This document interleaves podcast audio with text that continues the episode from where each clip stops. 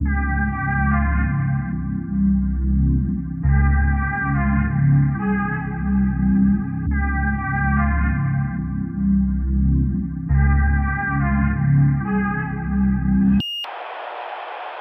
19, 1985. Ja. Jaha, det ska jag... Är man född? Är du för... Och har så mycket skägg? Ja, nej men det... ja, men det, jag, det där kommer jag... Första gången jag. När fick du skägg? Jag är 37 nästa. Ja, men det, ja, men det är som mina söner. Alltså det, det, de, de blir aldrig mer än strax före puberteten eller något sånt där. Alltså det, det, det är så svårt att acceptera att, att småglina växer upp. Nej. Alltså nu, nu, Men, nu går jag med på att ni är vuxna, men, men att det... det när jag började raka mig när jag var 13. Okej. Men det, Ja, det gjorde jag också utan att det fanns anledning. Vet jag. Det var bara Men- mer en ritual. Ja, Jag, jag, jag hade en goatee när jag var 13. eh, Jag var Så- väldigt eh, vad hette det? stolt över den. goat, alltså getskägg. Jaha! Ja, men det heter så. Goatee. Vi hade en kurdisk, svenska, vi hade en kurdisk polare som också fick skägg när han var 13. Så han kunde gå och köpa folköl på lokala butiken Ja. utan problem. Ja, nu, alltså, tre av fyra här har skägg. Eller fyra av fem till och med. Ja, du har ju också ja, skägg. Ja, ja, men nu ska jag berätta någonting som gör er oerhört besvikna. Mm. Och det är att Tacitus, den gamle romerske historieskrivaren, han berättade om germanerna här uppe i Nordeuropa för 2000 år sedan. Mhm. Att det var bara killar som inte hade dödat någon som fick ha skägg. Utan, och, och de fick inte raka sig, därför att, det var, det var, därför att det var skamligt att ha skägg. Man var en miss. Och sen så När var det? Eh, 98 efter Kristus skrev han boken, så, så att för Ah. 2000 år sedan. Och sen så fort man hade gått ut i strid och dödat en fiende, då, det, om man, hår skulle växa också, så då skar man av håret och raka sig. Och som slätrakad snubbe, det var det otäckaste som fanns. Alltså. Shit. Ah.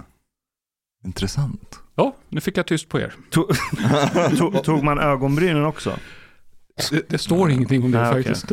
Förmodligen inte. Ja. Eller? Idag är det väl skäggbarn som är det otäckaste som finns. Nu sa du ett nytt ord igen här. Skäggbarn. Jaha, uh. Ja, det var Just ju det. mer 2015. Jaha, det är ja, borta den, nu. Jaha, man an- nej den är inte lika inne Ja längre. just det, det är den där högerretoriken. Ja, en del Ja, använder ju om... och Ja, jag, brukar, jag kallar Omar för skäggbarn ibland. Det var ju mina landsmän som kallades för det när de kom Ja. till Sverige under Araber. 2015. Men Omar är så ung, du var ju född 85 ju, så då, då blir det ju skäggbarn. Ja, ja, det är sant. Men intressant att, ja, men, typ talibanerna, där är det ju tvärtom. Då ska du ju ha skägg. Ja, är de till och med mäter skägget. De mäter skägget. Ja, alltså Va? med linjal, så att det måste vara eh, viss längd. Och om det är kortare då eh, fick man, det här är när de hade makten förra gången då. Då piskar ju de männen. Mm. Det var en viss centimeter lång det skulle vara. Jävlar. Jesus. Är- Alltså på kvinnor också. Nej, Nej, men på män. Då måste jag säga, alltså det som är så skönt med mitt yrke, det är att allting hände för 2000 år sedan, så att man behöver inte bry sig. Men, men, Behöver man inte bry sig? Det finns... nej, men alltså, skäggmodet för 2000 år sedan är jävligt intressant och lärorikt. Ja.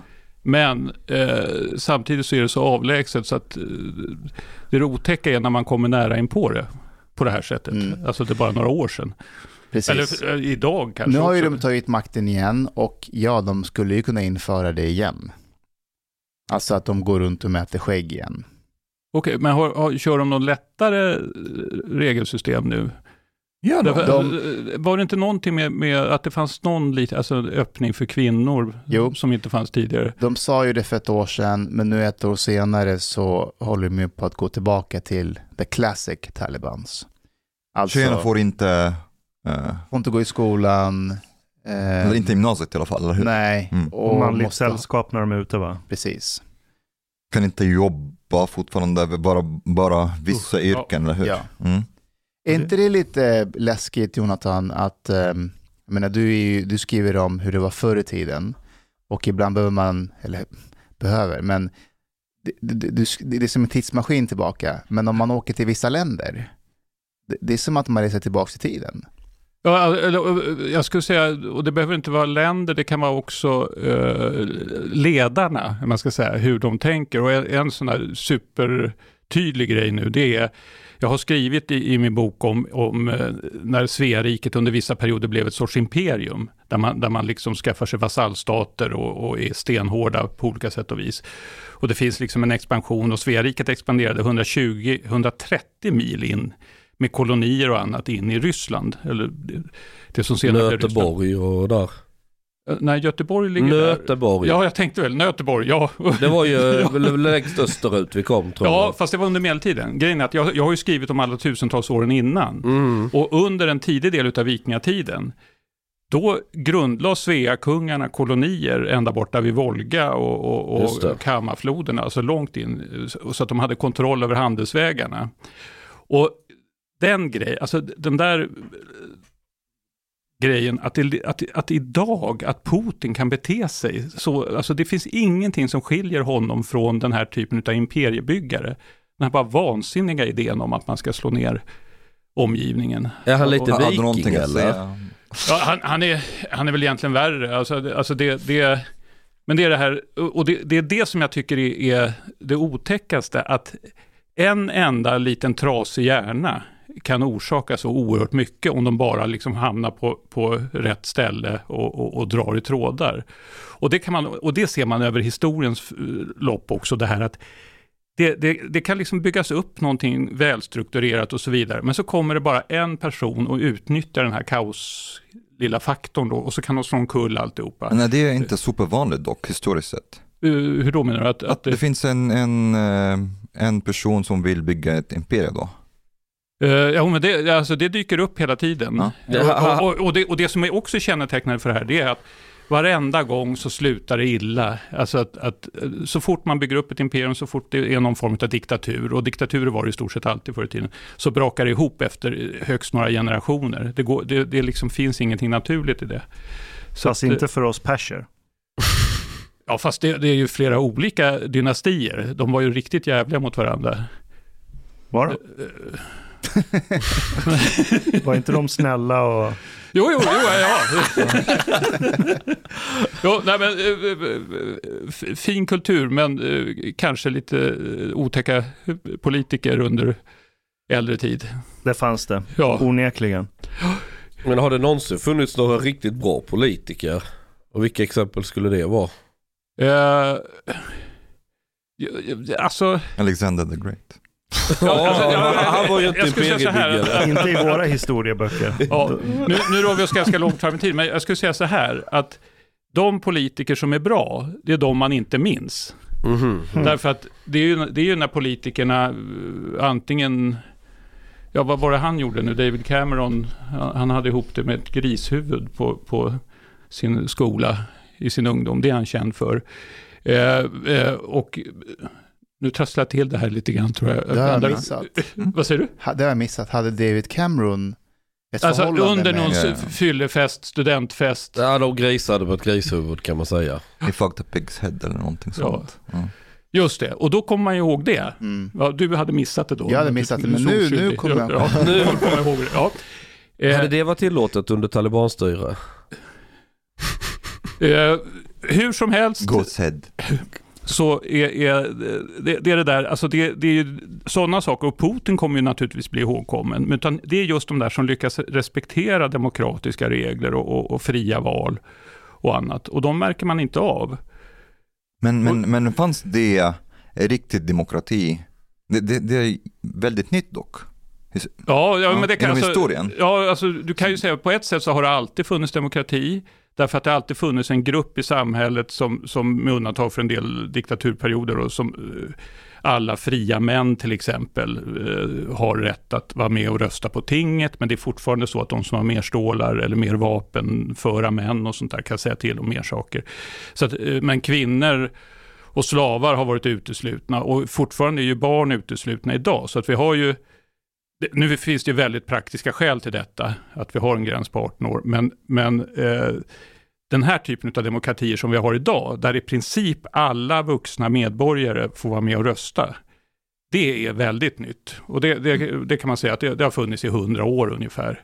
Och det är otroligt, ot- alltså nu börjar jag nästan grina, för att det, det, är, det är det absolut mest fantastiska som har skapats i, i vår historia. Alltså att ett fritt samhälle och sen med, med grundvärderingen då att, att alla människor har ett värde. Att, eh, alltså, och det är samma sak där. Alltså slaveri och slavhandel har varit grunden för, för alla imperier och riken så långt tillbaka man kan se före den här demokratiska Perser också eller? Ja. och, och eh, turkarna, eh, Osmanska riket och så vidare. Det, det fanns ju 400 svenska slavar i Nordafrika under, i Osmanska riket en gång i tiden, i början på 1800-talet fortfarande. Var det? Var, Ja. var, det var, det folk som blev kidnappade där ute eller kom Ja, de det var, det var dels, så- dels så blev de angripna, det var sjömän som befann sig på Medelhavet och, Ah, och, och som okej. blev tagna till fånga. Och sen, men det, det var någon expedition, Var det 400 kvinnor eller vad, vad var det? vad säger du? 400 kvinnor var det? Nej, nej det, det var i och med att det var sjömän, alltså det var Sjöfolk. sjöfolk så Jaha, var det så nästan bara män. Ja. Ja, okej, okej. Eh, och, och Sverige var tillsammans med USA inblandade i ett krig där, om det var 1802, nu minns jag inte riktigt. Kriget med Barbareskstaterna kallas det för, där man hotade en snubbe, eh, vad heter den, ledaren i, i Tunis tror jag det var, eller något sånt där, som, som, och så tvingade man ut och fick tillbaka slavar och så vidare. Men sen var det också någon expedition på 1600-talet, en, en slavjägarexpedition som gav sig upp till Island och hoppade i land och drog iväg med flera hundra personer därifrån. Mm. Så att det där är, är, alltså det här är ju väldigt småttigt i jämförelse med, med den, den eh, västliga slavhandeln, europeiska slavhandeln då med, med Afrika och arabiska slavhandeln och så vidare. Men, men det är ändå liksom, det här var naturtillståndet väldigt, väldigt länge. Och det, eh, alltså dels det här att ingen människa ska vara någon annan slav och dels att man ska ha demokrati. Det, det är så otroligt värdefullt. Och jag blir tokig på folk som säger att de inte ska rösta. För att det, ja, det finns ingenting att rösta på och så vidare. Om man röstar blankt då? Nej, det, jag tycker att det är halvdåligt. Ha. Därför att du ska, du ska rikta, därför att om du röstar blankt, då kritiserar du det de- demokratiska systemet lika gärna som att du, du liksom tycker att politikerna är dåliga. Ja. Eh, och, och det ska man inte göra, därför att det är just det demokratiska systemet som är det värdefulla. Att man ska uttrycka en åsikt och sen om man då inte har så mycket att välja på, så, så väljer man det minst sämsta. Det är det, allt kompromissande, på familjenivå och på statsnivå, det går ut på att kompromissa. Men om jag- man röstar fel då? Rösta, rösta på Trump till exempel. Man kan rösta på Det- Trump till exempel. var, och min fru råkade nästa, alltså hon, hon, som tur var så upptäckte hon det. Hon, hon, eh, det här var eh, flera år sedan, så skulle hon rösta på Sverige, nej, på, oj, nu höll jag på att säga fel. hon skulle rösta på Socialdemokraterna. Och så, så tog hon fel, ni kan gissa vilket parti då som råkade ha ett likalydande namn då, och som då inte hon var så Ja, intresserad av att idag kan det ju lika, vara, lika gärna vara Socialdemokraterna. Ja, fast det är väl i första hand de borgerliga de samarbetar med. Men, men det, Jo, men ja, det är men, men, ja, men jag, jag förstår hur, hur du tänker. Men återigen, det finns mindre dåliga eh, saker att välja bland. Men då vet jag att hon, hon stod och höll den där lappen och det var några eh, halvbekanta som bakom stod och fnyste och hade så hon förstod ingenting. Och sen precis när hon skulle lägga det i kuvertet då såg hon att hon hade tagit fel. Apropå misstag. Mm. Ja, ehm, men Men, Jo, och sen, Ja. jo, en sak till. Ja. Om jag någon gång kunde få säga någonting. Det är att eh, just det här att det, det är alltså det finns ett ideal, ett demokratiskt ideal, det finns ett människovärde-ideal och ändå är det så att idag så finns det extremt många icke-demokratiska länder och, och, och länder som är på väg bort från parlamentarism och, och demokrati. Och det är dess, jag har sett någon siffra på att det finns 40 På miljoner bort. människor. Som, som, vilka länder är på väg bort från parlamentarism? Vi- vi- Vilka? Vilka länder? Ja, alltså det, lite gradvis Ungern och, och, och, och Polen. Och den, den farliga sak som händer där, det är eh, det som vi fixade 1809. Nämligen att man måste separera eh, rättsväsendet från eh, kungamakten eller, eller statsmakten. Att man måste ha fria domstolar. Det är ju samma problem de har lite grann nu i USA också, det här att, att, att högsta domstolen blir alldeles för politisk och styr på det sättet. Eh, där skulle man kunna invända att eh, nämndemännen i tingsrätten väljs ju politiskt. De utses ju politiskt. Ja, men, men Har själva men högsta domstolen och, och, och så vidare, alltså de- den ska stå fri. Det var det som man skrev in. Men den är ju inte fri i Sverige. Det är ju, alla vet ju att det är karriärvägen in till justitiedepartement överallt. Så att men du anpassar dig efter sossarna för att kunna göra nästa steg i karriären i Ja, rättsväsendet. jo, men, det, men principiellt. Ja. Återigen, det är inte perfekt, men det, det principiella är att, att man, man ska inte ha det inflytandet. Och, och, eh, och nu kan du säkert mer om det här än jag, för att jag, jag håller på med Ja, det stenålder blir, i det blir, vanliga det fall. blir en semantik i slutändan men, men eh, att, att det är klart att det starkt, att du har en stark politisk påverkan på eh, hovrätt och framförallt högsta domstol och så. Sen, sen är det inget som klart man vill visa utåt men det, den finns där. Ja, det är också politiker som stiftar lagarna så alltså sen domstolen ska döma efter. Så, så redan, redan där har du ju en koppling så att säga. Sen, sen, sen visst, de ska ju vara oberoende och så här och det är man i de allra, allra flesta fall.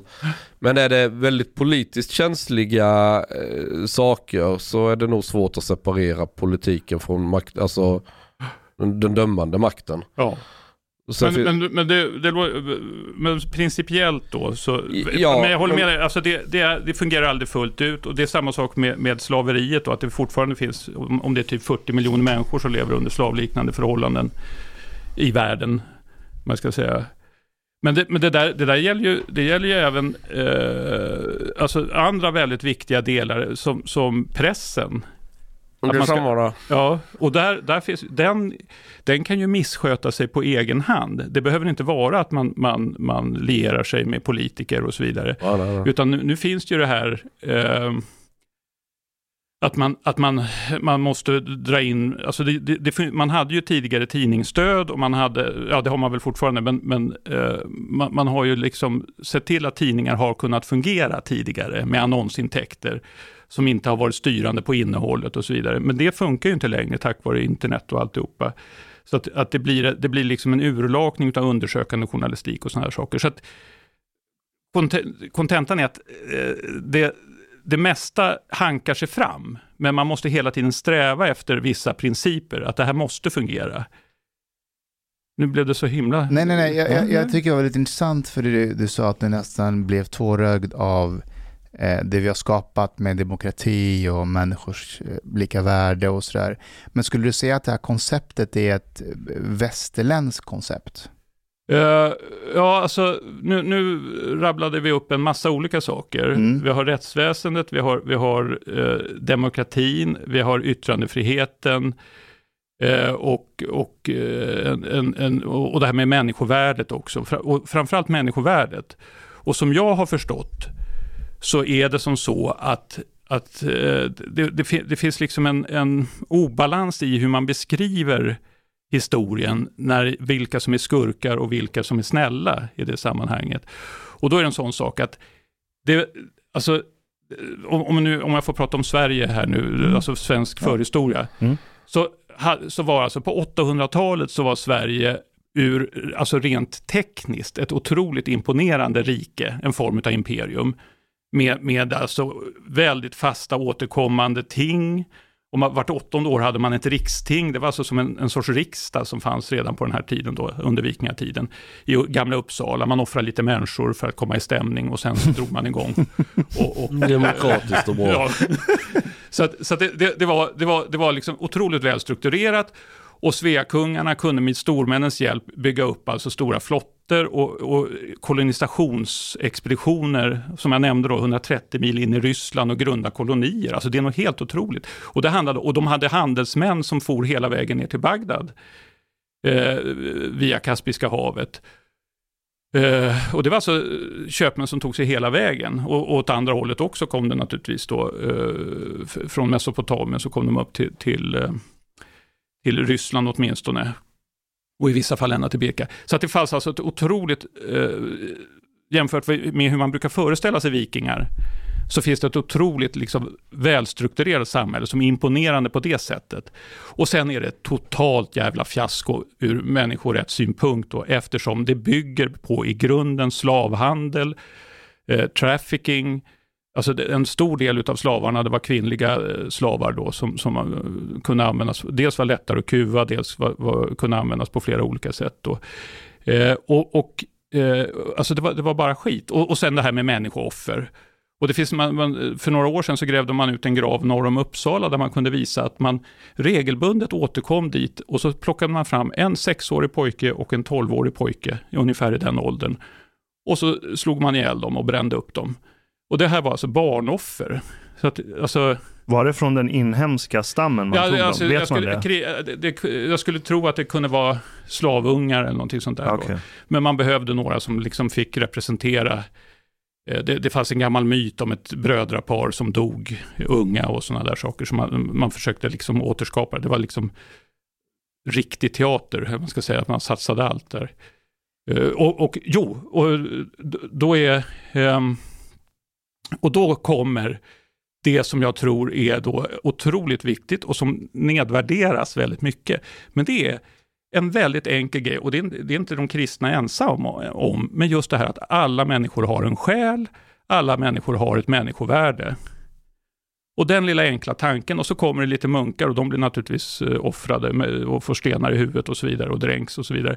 Men de kommer hit och missionerar om det här. Och till slut så lyckas man övertyga kungarna kring år 1000 av politiska skäl här uppe i Norden att gå över till kristendomen för då blir handel och alltihopa mycket bättre och diplomatiska kontakter bättre. Och det är, det, det där är så otroligt jävla viktigt. Den, för det är bara ideologi.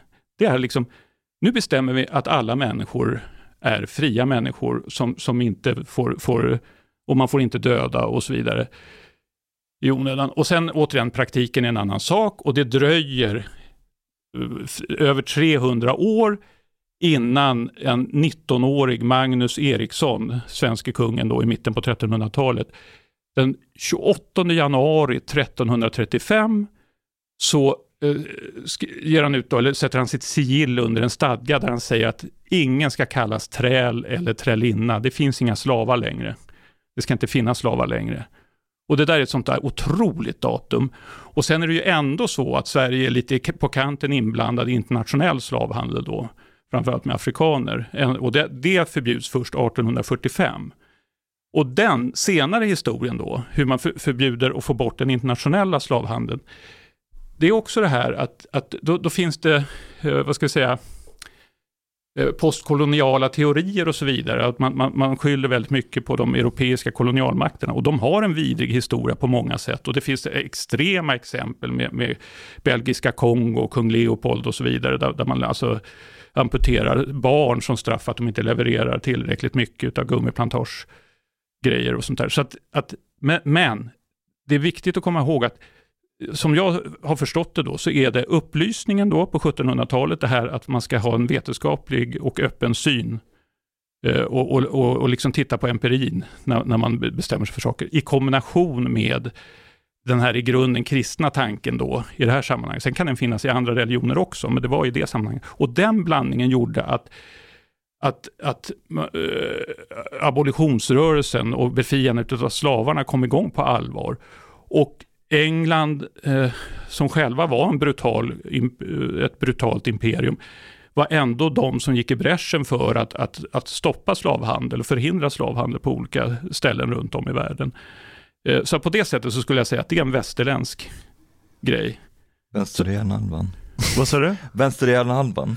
Ja, nej men empiriskt så makar det inte sens att ha. Eller det beror på. Okej, jag är skeptisk. Okej, Jag är skeptisk. jag, jag, jag, är lite så här, jag är lite för radikalt materialistisk av mig. Det är Ja. min svaghet. du Men vill jag ha tänker slavar? att... Jag, nej, nej, nej, nej, nej, nej, nej. Jag vill, vill inte ha slavar? jag, jag vill inte ha slavar. Och, och jag vet, jag har också läst det där, jag tror det var i Carol Quigley eh, bok, när han pratar om The Round Table Society och massa rörelser i engelsk imperialism som inte alls var för slaveri, utan de ville bli av med det. De ville istället lära de nya kolonierna, liksom utbilda dem, lära dem sätta upp ett handelssystem. För de insåg att du bygger bättre imperium om du kan handla med alla utposterna, istället för att bedriva slavhandel. Men jag är skeptisk till att det är så här, åh, nu blev vi upplysta, nu kom vi på den här idén jag- som är fin. Okej, halmgubbade jag dig precis. Vad heter det? Eh, okej, jag miss... Strawman, strawmanning. Jag- Eh, okej, nej, nej, jag fultolkade nej, det jag, i jag så fick fall. bara, kom- jag kom på något Va? att säga. Okej, Jag, okej. jag, jag har ju suttit tyst en stund. Okej, jag, jag vill höra, jag vill bara eh, säga att... Jag, Jo, jag, jo nej, men Ja. alltså, nu, nu avbröt jag dig så att du... Ja, men det är lugnt, Ja, lugnt. okej, tack. Ja. Ja. Jo, eh, Eh, eventuellt är du på väg att säga just då att ideologier svävar inte fritt och det, det, handlar bara om att man vaknar en morgon och har nya tankar. Utan det finns ju ekonomiska krafter bakom hela tiden också. Tack. Ja, Ja. ja. Och om man då får ta ett litet, eh, ja, inom citationstecken, gulligare exempel på detta, så är det barnarbete inom den svenska industrin i slutet av 1800-talet och, och, och i början av 1900-talet.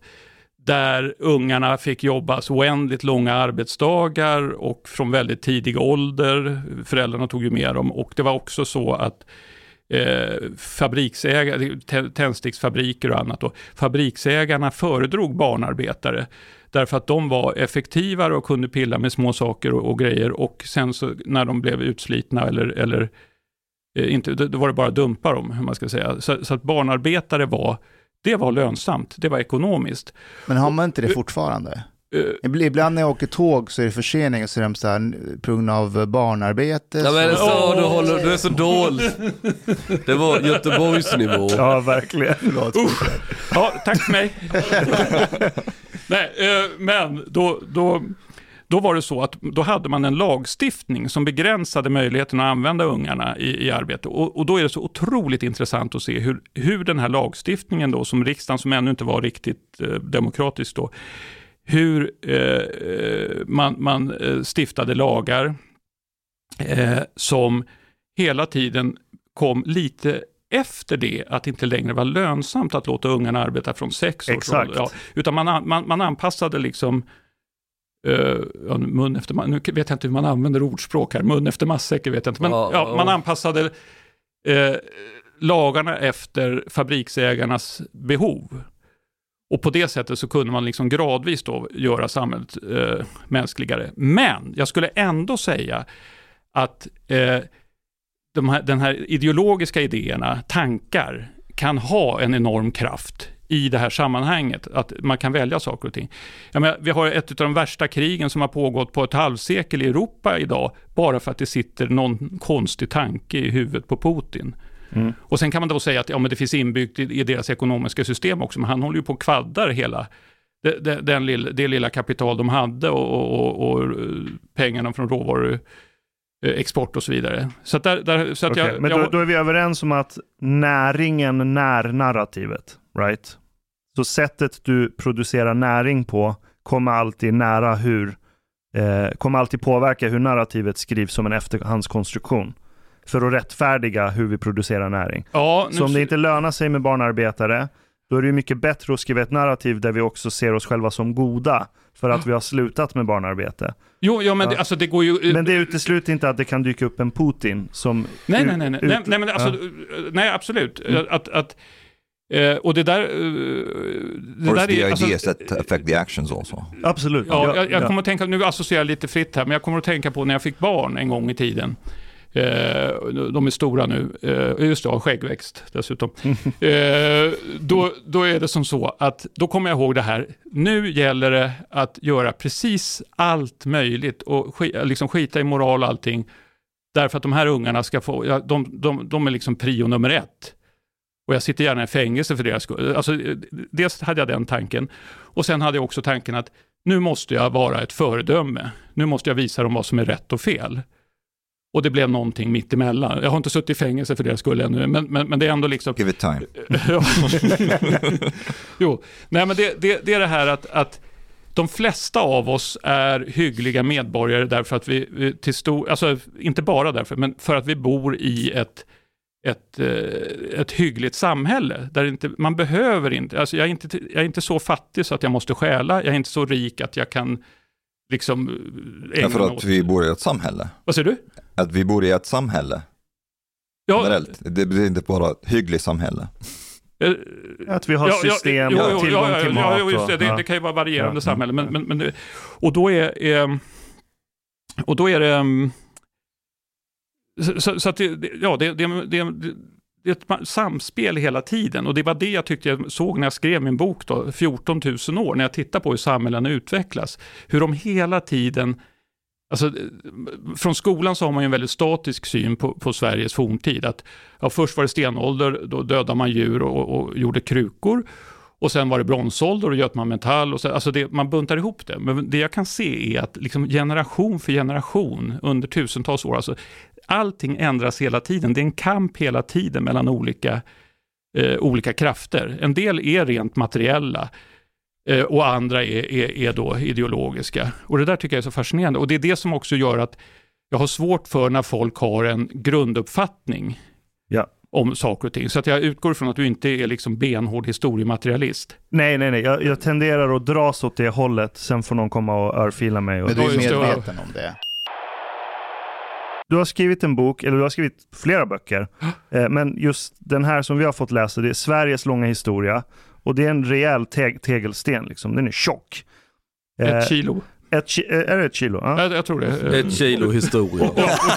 Och, och, och, och det är bara de sista hundra sidorna som börjar där historien börjar i, vid skolbänken. Så du, du har skrivit 14 000 år Sveriges historia, men det är bara de sista hundra sidorna som täcker lite grann i alla fall av det vi får lära oss i skolan. Ja, jag skulle säga att det är, är de sista fem sidorna. Oh, there you go. Va- varför den här viktningen? Därför att, eh, eh, då ska jag säga så här att, att eh, alltså jag har ju nördat in på historia och arkeologi hela mitt liv. Eh, och eh, jag, jag, jag, ser, och, och det, det krävs flera svar på en gång här så att nu. um, nummer ett, allt mänskligt beteende, all, allt som människor har gjort i alla tider, det är en, ett kollek, en kollektiv erfarenhet. Det vill säga man kan se det som en stor experimentbod, även om det liksom har, redan har hänt. Att man, man, man, man kan plocka fram, liksom, hur gjorde de när de inte hade metall? Hur, hur, hur organiserade de samhället då? Eller när älgarna tog slut i Norrland och de levde på älgjakt. Vad, vad gjorde de då? Alltså, alltså att det finns så enormt mycket eh, saker som har hänt och som, som vi, vi, vi ska ha erfarenhet av. Och, och då menar jag att eh, det här är ju någonting som man redan idag eh, man utnyttjar erfarenheter. Vi har till exempel eh, Eh, alltså aldrig mer eh, andra världskriget, antisemitismen till exempel. Alltså att man, man, det, det, det, har liksom varit en, när jag, jag är väl kanske 20 år äldre än vad ni är ungefär, och lite drygt. Alltså när jag var barn, då, då fanns eh, förintelsen med hela tiden. Jag var livrädd. Jag såg ett hakkors någonstans på någon hade klottrat och blev alltså förstenad av skräck. Alltså det var så fasansfullt. Jag såg en, en, eh, på någon julfest så var det en av papperna som var jättemager och jag tänkte han har suttit i koncentrationsläger och det förstörde hela julfesten eh, och så vidare. Det, det här var på lågstadiet då. Att, att det här genomsyrade, att det fanns en stark erfarenhet av att det här får det liksom inte hända igen, det här är fruktansvärt. Och det har ju glidit undan ganska mycket den, den förståelsen för, för andra världskriget som, som skräckexempel, då de sista överlevarna dör och så vidare. Och sen har det kommit andra katastrofer, kanske inte av den digniteten, men ändå. Och, och, men men den där, just det här att man hela tiden har för ögonen vad som har hänt, vad som kan hända. Och det kommer aldrig hända exakt samma sak en gång till. Men det kommer hända likartade saker. Och det är därför man måste hålla koll på hela långa historien. Och då menar jag att tittar vi över 14 000 år, då får vi en mycket bättre bild av hur Sverige fungerar. Till exempel en sån sak som att, att den normala synen på Sveriges historia, det är att ja, det var lite vikingar, stenåldersfolk, vikingar, lite kaosartat, men sen, för tusen år sedan, pang, då drog historien igång. Ja. Och då, då får man den där uppfattningen, ja, jaha, liksom, det hände knappt någonting tidigare. Och då får man en felaktig uppfattning, därför att, som jag tidigare sa då, så, så var Sverige otroligt avancerat tidigare med, med de här kolonierna. Sverige har aldrig varit så stort, ett så stort imperium som det var under vikingatiden. Och välorganiserat och, och med fantastiskt välfungerande slavhandel och alltihopa. Men att, att det, det är...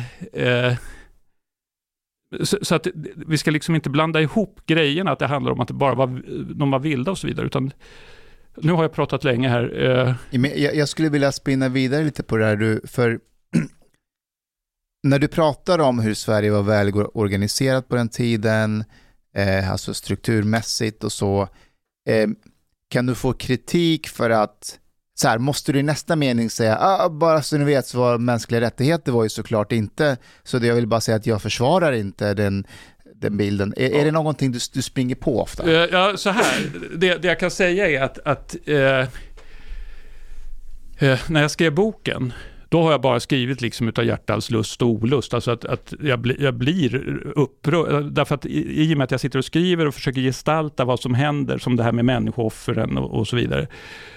Alltså man, man är ju dum i huvudet eller i hjärtat om man inte själv blir gripen av när man skriver det. Så att det är ju självklart så, alltså i stundens hetta när jag skriver så skriver jag naturligtvis saker, vad, vad jag tycker och tänker. Men man, jag kan inte gå över till att bli eh, plakatskrivare, att det här är fel, det här är rätt och så vidare. Annat än, än, än faktamässigt då, att jag förklarar, alltså, alltså när det gäller fakta så måste jag ju förklara på det sättet, men när det gäller då att understryka hur jävligt det, det, det, det gör jag när jag tror att folk kan ha en missuppfattning, som till exempel att det finns folk som tycker att hedendomen var en mycket friare religion och kvinnan hade en stark ställning. Var det inte? Nej men alltså det, det, det är till stora delar bullshit. Mm. Kristendomen innebar att även om kvinnan inte kunde bli, vara präster längre och att det senare utvecklades till ett, en annan typ av förtryck. Så där, det var ju en fantastisk befrielse för större delen av, av människorna. Medan de som då tror att hedendomen var någonting fantastiskt, de tar fasta på sagor om starka kvinnor. Som, det fanns starka kvinnor Mm. också och, och, och de kunde ha stor, stort inflytande då som völvor och så vidare. Men, men, men det där är en, en sån där sak, där, där måste jag gå in och tala om då eh, vad jag tycker utifrån vad jag ser som fakta då. Kan man säga att den ädla vilden finns inte? Nej, jag tror att de var lika ruttna som vi i stort sett. Alltså, lite så här halvdana. Men, men det beror på var också, eller? Uh, for example, I know that the uh, among the Celts there was more, mm, so to speak, gender equality, and that was this was one of the points of friction with the Roman Empire. That the Romans did not have that, while the Celts they had like more or less free women, and like they were even like uh, female warriors and all that. Ja, ja, då, eh, So, då, and- då ska jag säga, ja, men där, där, där tror jag att du har en motsatsställning mellan ett imperium, romarriket, Mm. som är otroligt reglerat, och eh, de folk som bodde längre norrut i Europa och i Västeuropa. De hade samma problem med germanerna, germanska eh, kvinnor, eh, som, eh, de kallas för matronor då utav romarna. Kvinnor som hetsar männen till krig och som bestämmer liksom när de ska gå ut i strid och sådana saker därför att de har kontakt med gudar och så vidare. De var alltså politiker kvinnor och kunde ha väldigt mycket att säga till om. Och ända ner till att, att eh, att Tacitus som tycker att det är lite obehagligt det här att kvinnor har klänningar där man ser överarmen. Alltså, alltså det, det, det, det finns ett kvinnoförakt bland romarna som, som Mm. kommer fram på det sättet. Mm. Så att, eh, nu kommer jag inte ihåg vad vi pratade om strax innan, men det var, det var This väl det. uh, just like, kvinnans position. ja, Ja, så att du kan argumentera, och det fanns, eh, det fanns saker, alltså det, du, du kan plocka liksom, körsbärsplocka saker som var bättre under hednisk tid. Som till exempel det här att kvinnor inte längre kunde ha, ha prästfunktion. Eh, samtidigt som de kunde bli abbedissor och, och, och eh, hålla i stora nunnekloster och så vidare. Eh, eh, men, men totalt sett så, så tycker inte jag att det är något snack om att kristendomen, tack vare sin mer generella regel, att alla har ett människovärde, alla har en själ och de, i teorin så menar de också att kvinnan skulle inte tvingas gifta sig med, med den som föräldrarna bestämde och så vidare. Och sen praktiken kunde vara väldigt annorlunda. Så, så, att, så det är en sån sak. Men sen, jag, jag tänkte på det Mustafa sa om, om eh, eh, det här med om jag försöker vara politiskt korrekt, eller om man nu ska uttrycka det, eller, eller försöker tala om vad Så som kan du också tolka det. Ja, ja. Eh, Därför att det finns, eh, det finns inom arkeologin, så finns det vissa akademiker som ägnar sig åt det här att liksom visa på hur rasistiskt eller, eller, eh, eller konstruerat eh, vi arkeologer beskriver historien och så vidare. Och då eh, och, och de, kan, de, de, har, de, de kan ha det inflytandet att de skrämmer folk, att folk liksom försöker, liksom, nu måste jag tänka på att formulera mig korrekt och att genuskorrekt eller, eller ur, ur etnicitetssynpunkt och så vidare och sådana saker. Och det är ett, ett, det där är ett problem därför att eh, jag har varit i närkontakt med den typen av forskare som alltså struntar i att vara vetenskapliga, utan de har en teoretisk modell som de försöker passa in Mm. allt eh, man säger i och tolka på sämsta möjliga sätt. Och det, det, kritisk teori utgår de ifrån, bland annat då, som vars främsta kännetecken, om man går till källorna, är att man förstår inte riktigt vad de säger. Alltså det, det, det, det handlar, nej men alltså de, de slänger, och, och, och, och, den här forskaren som jag bråkar med, hon, hon sa till och med en klassisk replik när jag då liksom kan, bad henne förklara varför det här som jag hade skrivit då var värt att kritisera. Och då kom svaret, det är komplicerat. Och det är en sån här klassisk härskarteknik, att, att ja, det, här, det här är så svårt, liksom, det här är avancerade alltså grejer. för dig? Ja, ja det, hon tyckte att det var det för mig då. Och, och, eh, och då... Och jag, jag, kan ta, men själv tycker att det är väldigt enkelt. Jag har ju hållit på med att skriva läromedel och, och, och, pedagogik har jag sysslat med och jag skriver populärvetenskapligt och så vidare, förutom att jag forskar då i arkeologi. Och eh, jag tycker att det är väldigt, väldigt enkelt. Och en, bara som ett exempel på hur hon kunde vrida till vad var det hon vred lite mer exakt? Vad var, det, vad var det hon kritiserade? Ja, jag, jag tänkte ta ett Okej. par exempel. Då. Alltså hur, hon skrev någon artikel som publicerades i någon tidskrift. Eh, som, som, eh, jag gjorde ett tv-program som hette De första svenskarna. Som, som var, eh, var det en timme om stenåldern och en timme om bronsåldern. Någonting sånt där på SVT. Och då ställer jag i inledningen av första programmet så ställer jag frågan, vilka var de första svenskarna? Och då tror jag, min dumma jävel, att eh, vad folk hör då är eh, ett, ett lite förenklat sätt att säga, vilka var de första människorna i det som vi kallar Sverige idag, i det här området? Men då skriver hon om detta att eh, här ger jag uttryck för ultranationalism. Att jag hävdar att det fanns en uttalad nationalism redan direkt efter istiden som har, är kontinuerlig ända in i framtiden. Alltså hon skriver detta. Och jag bara, varför, vad, vadå? och, och, och, det och samma sak så, så när hon beskriver, ni vet arkeogenetik, när man håller på och plockar ut eh, fossilt DNA ur, ur gamla skelettrester och sånt där. Jag var inblandad i ett stort projekt som heter Atlasprojektet på, på universitetet Uppsala och, och Stockholm. Eh, där, där man liksom alltså ehm, kan utläsa enormt mycket spännande utifrån DNA, precis som krukskärvor och så vidare. Det, det är bara ett sätt. Och då beskriver de det här och, alltså, och det kräver rigid, alltså, om man struntar i själva resultaten och så vidare, men själva processen, då, laboratorieprocessen, den kräver alltså väldigt kliniska utrymmen och de har skyddsdräkter på sig och så vidare. Och det här beskriver de som att man för att framstå som vetenskapliga, så leker man liksom en lek, att man klär ut sig i vita rockar och så vidare. Och så vidare. Det är också det här typiska kritiska, att, att man försöker liksom, man försöker bryta sönder eh, verklighet och vetenskap i, och, och bara ta, det handlar bara om att berätta historier. Eh, man, det det här lite postmodernistiska, att man, att man liksom, det finns ingenting där bakom. kan, kan inte det locka fram den inre Sverigedemokrat när du möter sådana där människor? Jo, och det är det som är det paradoxala. Det är det som är det paradoxala. Att människan håller, eh, hon jämförde med nazistiska forskare också i början av 1900-talet. Så, Mm. Dig med har- nazistiska forskare? Vad säger du? Jämförde hon dig med nazistiska? Ja, alltså hon pratade om att det här, det här som vi håller på med då, det här var någonting som för, eller liksom, alltså och hon associerar till det. Alltså hon säger inte att jag är nazist, men hon, hon associerar Hon vill till det. Så kleta känns in det lite sådär Ja, lite. ja, just det. Den som ja. först nämner Hitler har vunnit i det här sammanhanget. eh, och då i alla fall så... ehm, jag hade någon liten intelligent poäng här nu, men den ligger någonstans väldigt långt bak. Eh, jo, det du sa.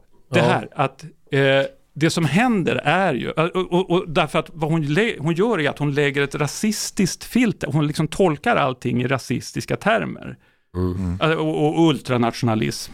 Och det gör ju att hon, precis som du säger, att hon gör ju eh, vanligt folk, liksom, alltså hon, hon främjar rasistiskt tänkande på det sättet. Hon främjar högerextremismen på det sättet. Trots att hon utger sig för att vara den som liksom, nu ska jag städa upp här och visa hur, hur rasistiska eh, dagens arkeologer är och, och och, nationalistiska. Men istället så, så, så visar hon att sånt här kan man få 8 miljoner kronor från eh, Riksbankens jubileumsfond och sitta på universitetet och forska om och skriva om och påstå. Att det, det, det får liksom en social etablering på det sättet. När det är direkt skadligt, eftersom hon förstör ju eh, för alla inblandade. Så, nu är jag... Nu I'm får imagining, ni, I'm imagining one, of, one, of, one study could be like how we were all black once in Sweden. Fast det var vi. Fast, Ja, eh, eller och vi och vi. Ja, Nu- vi och vi. eh, Jag var inte här då. Nej, och inte ens jag. Nej. Men, men, men, men det, är- det, det är intressant. Det är någonting som jag tänker på Ja, ja. ofta. Who the hell decided to settle down in this weather? There was no asylum back then. Why did people come? Därför att eh, folk längre söderut var så otrevliga. Det, för att we had a system. Ja, eh, nej, det, det, eh, först det där och sen ska Ja. jag hoppa tillbaka till, till eh, en annan sak som jag tycker är Absolut. rolig. Jo, det är att, att eh, titta, alltså, det, det handlar ju bara om tolkning och modeller utav små flintbitar och så vidare. Men som det verkar så är det som så att direkt eh, i slutet av istiden, när vi hade, eh, när isen drog sig tillbaka, då fanns det typ 25 000 eller till och med fler renjägare nere på kontinenten. När var det ungefär? Säg 15 000 år sedan kan vi säga. Alltså det slutet av istiden då. Alltså. Och, eh, och då är det som så att i alla samhällen så sker dels det att folk behöver expandera, man får många barn och, och eh, ovanligt många av dem råkar överleva eller något sånt där och så vill de sk- skaffa sig nya jaktterritorier och så vidare.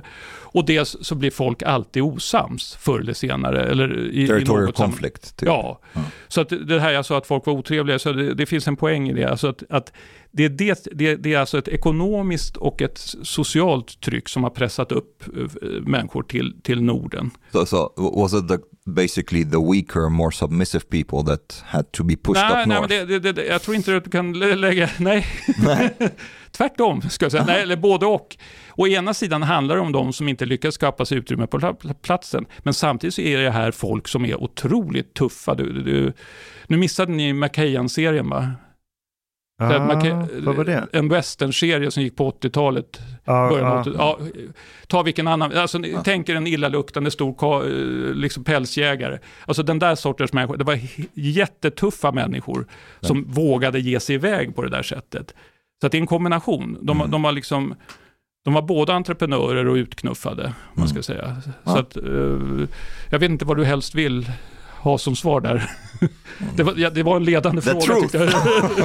Nej, men Exodus, Exodus-människor tenderar ju alltid vara jävligt härdiga. Men det beror på. Det beror på.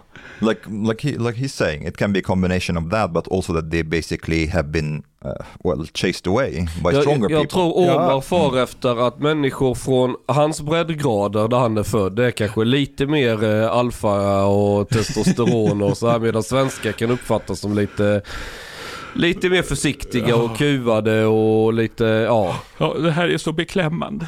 Ja. då, då ser vi det som ett personligt problem här då. Som, eh, eller hur? Det, det är ju ett ämne som kommer på tal ibland ju. Ja, ja, det ja. händer, det Nej, men det, jag, jag tror, eh, alltså, man kommer nog ingen vart med att, att prata om grupper på det sättet. Sen skulle, ja, sen skulle jag hoppa tillbaka till en grej här, eh, som nämndes det här med hudfärgen på de första människorna i Sverige. Och det här är också någonting, och jag, jag, jag fick så många arga mejl från högerkanten framförallt då. Därför att, jag berättade i programmet om de senaste resultaten, och det är det att de första människorna som kom in söderifrån till, till Sverige, de hade alltså mörk hud som var så mörk så, så att det är subsahariskt mörk, alltså centrala Afrika, så mörk hud hade de. Men de hade blå ögon. Fett. Ja, därför, och, och sen så kommer det då, lite senare så kommer det österifrån, så kommer det blond, blonda människor med ljus hy och bruna ögon. Och då, alltså, och, och, och, det, var, det var någon, vad hette han? Jag kommer, det var någon, om det var Fria Tider som skrev om det här. Mhm. Alltså det, är inte det, de ligger väl väldigt långt till höger vill jag minnas. Jo, de har ja, rätt till höger. Ja, och han säger, det där kan inte stämma. Punkt. Och jag pratade med någon annan eh, person som liksom, det, här, det, det stämmer det kan ju inte stämma, det, det, får inte, det, det är inte på det sättet. Men det roliga är då att man tar liksom rasstereotyper och, och så forskningen visar att det här håller inte, alltså det är fel färg på ögonen och allt, alltså det, det, släpp det här. Och det är det jag tycker är så underbart med att, förs- alltså man lyckas aldrig fullständigt, men att försöka vara objektiv och bara försöka ta reda på saker och berätta om det. Och leta empiri och lägga fram empirin. Är, är inte det sen- genom DNA man har kunnat lista ut hudfärg och ögonfärg? Jo, det, Ja. nej, precis ja. Så är inte det ironiskt att så här, ultrahöger som borde älska DNA och rasbiologi avvärja sig från det när den visar fel Ja, if If the resultat? results are correct. Exakt. ja. Det blir ju en, Jo. det blir en kognitiv dissonans. Exakt. Ja, ja, ja, ja, ja, och, och, och jag, jag, jag, jag hade ett telefonsamtal med någon som var så här, alltså jag hörde hur han frustade av ilska därför att det, alltså, det, det stämmer, det, det, det är för få undersökningar, det, det, det måste vara något som är fel och så vidare.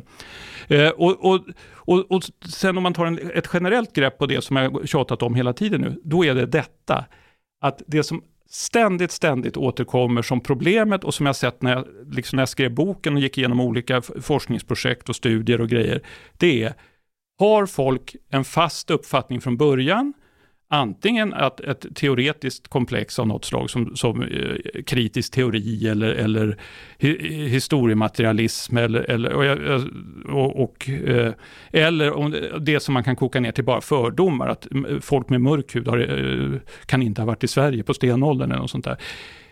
Det, det handlar om att man har på olika sätt fördomar och sen när man kommer till empirin, och, och, och då är det nyfikenheten som ska driva en, inte att man ska meritera sig för en post på universitetet.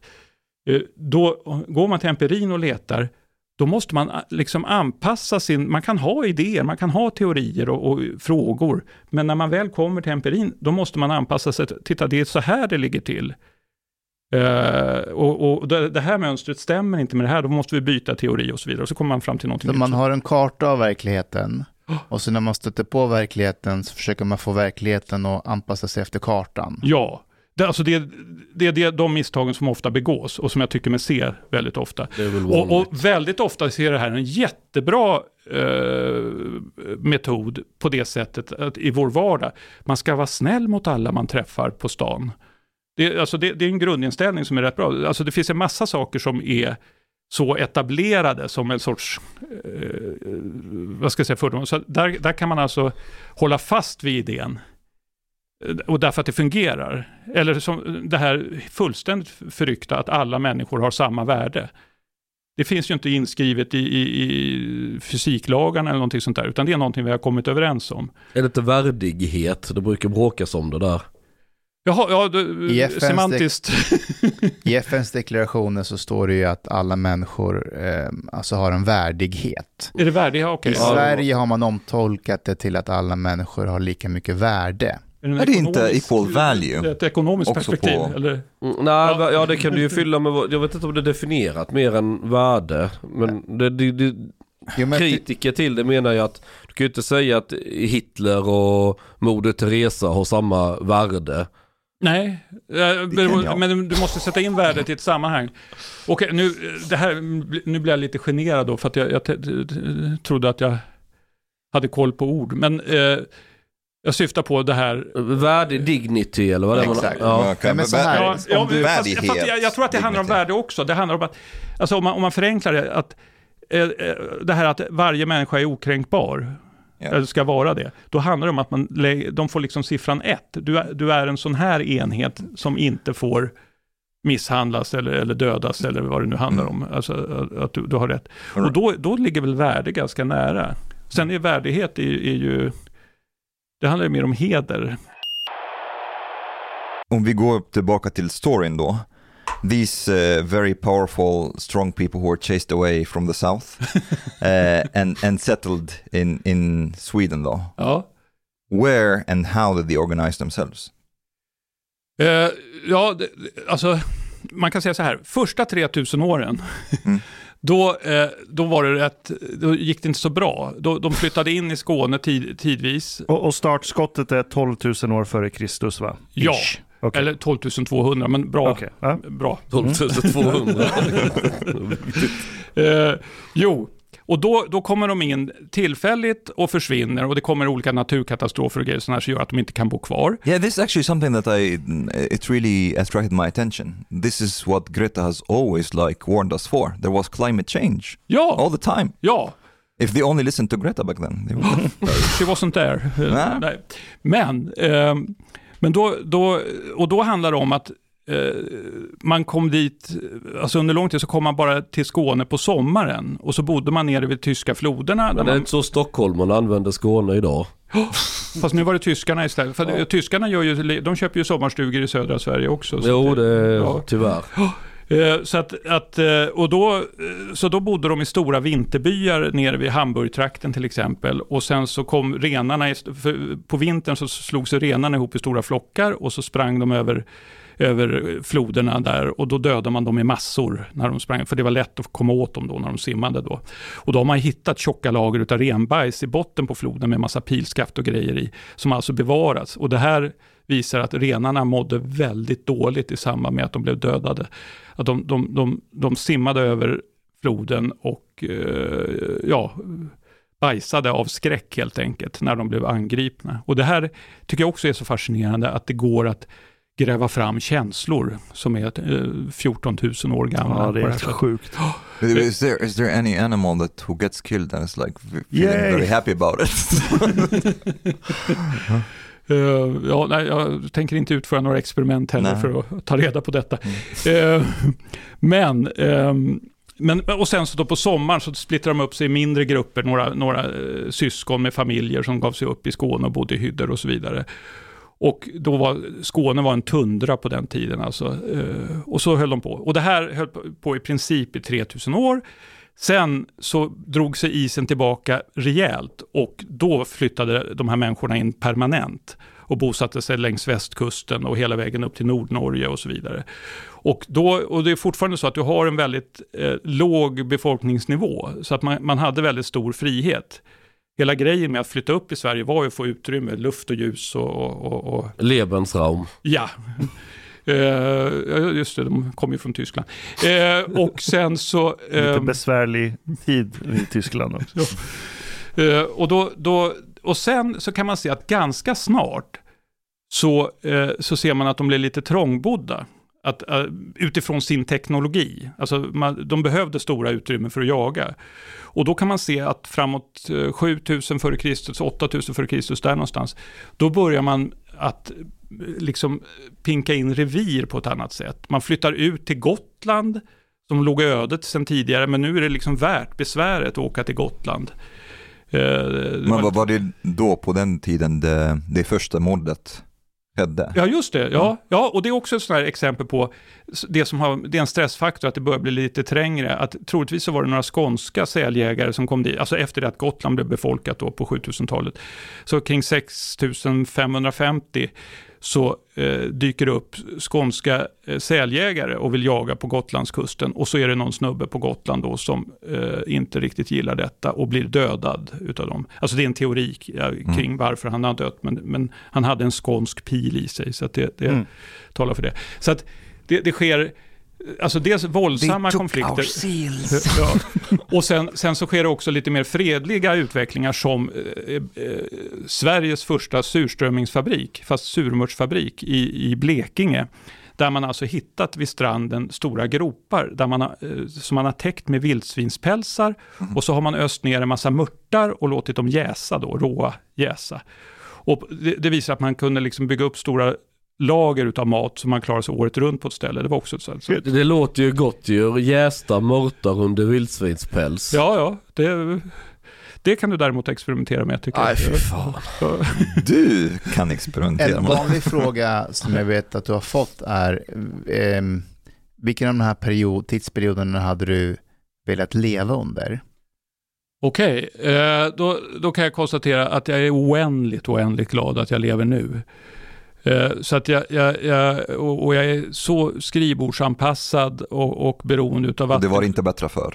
Nej, det, alltså det, det är min stora alltså Jag tycker, alltså det, det här är, trots allt elände som pågår och, och framförallt i andra delar av världen då, så, så är det här, det är den mest fantastiska perioden vi har överhuvudtaget. Alltså det, det och, eh, ja, men, eh, och, ja, det ligger i min släkt, så min pappas släkt flydde från, undan både Stalin och Hitler under andra världskriget. Och det, det som finns här är så, alltså det är så otroligt värdefullt, trots en massa små problem eller stora problem i vissa fall. Och eh, framtiden känns som alltid väldigt osäker, men, men det är så eh, Alltså att man, man, och det, det är precis som man säger det här med att man ska rösta. Därför att det här samhället idag är jämfört med allting som jag har sett tidigare under 14 000 år, det, det är top Mm. notch. Fast det ni- ändå kan bli bättre. Ja. Har, har du sett eh, Midnight in Paris av Woody Allen? Är det när han dansar och flyger på Sands kajer? Nej, har, har ni sett den? Yeah, Nej. Men det är I ju... like that movie. Va? I like that movie. Jag älskar den filmen, men så här, det handlar om en, en um, huvudrollsinnehavaren, de är i Paris och så han, han gillar inte nuet. Mm. Han vill leva med sina idoler. Typ eh, The 20s or ja, Mm. 20-talet med Hemingway och Scotts uh, Fitzgerald och alla de här. Och så klockan 12 på natten så omvandlas Paris till den perioden. Jaha. Och han får leva med de här personerna då. Han får träffa Hemingway och Picasso och alla de här. Men när han sitter och pratar med dem så säger de att de inte gillar nuet. De vill ju leva med sina idoler på 1800-talet.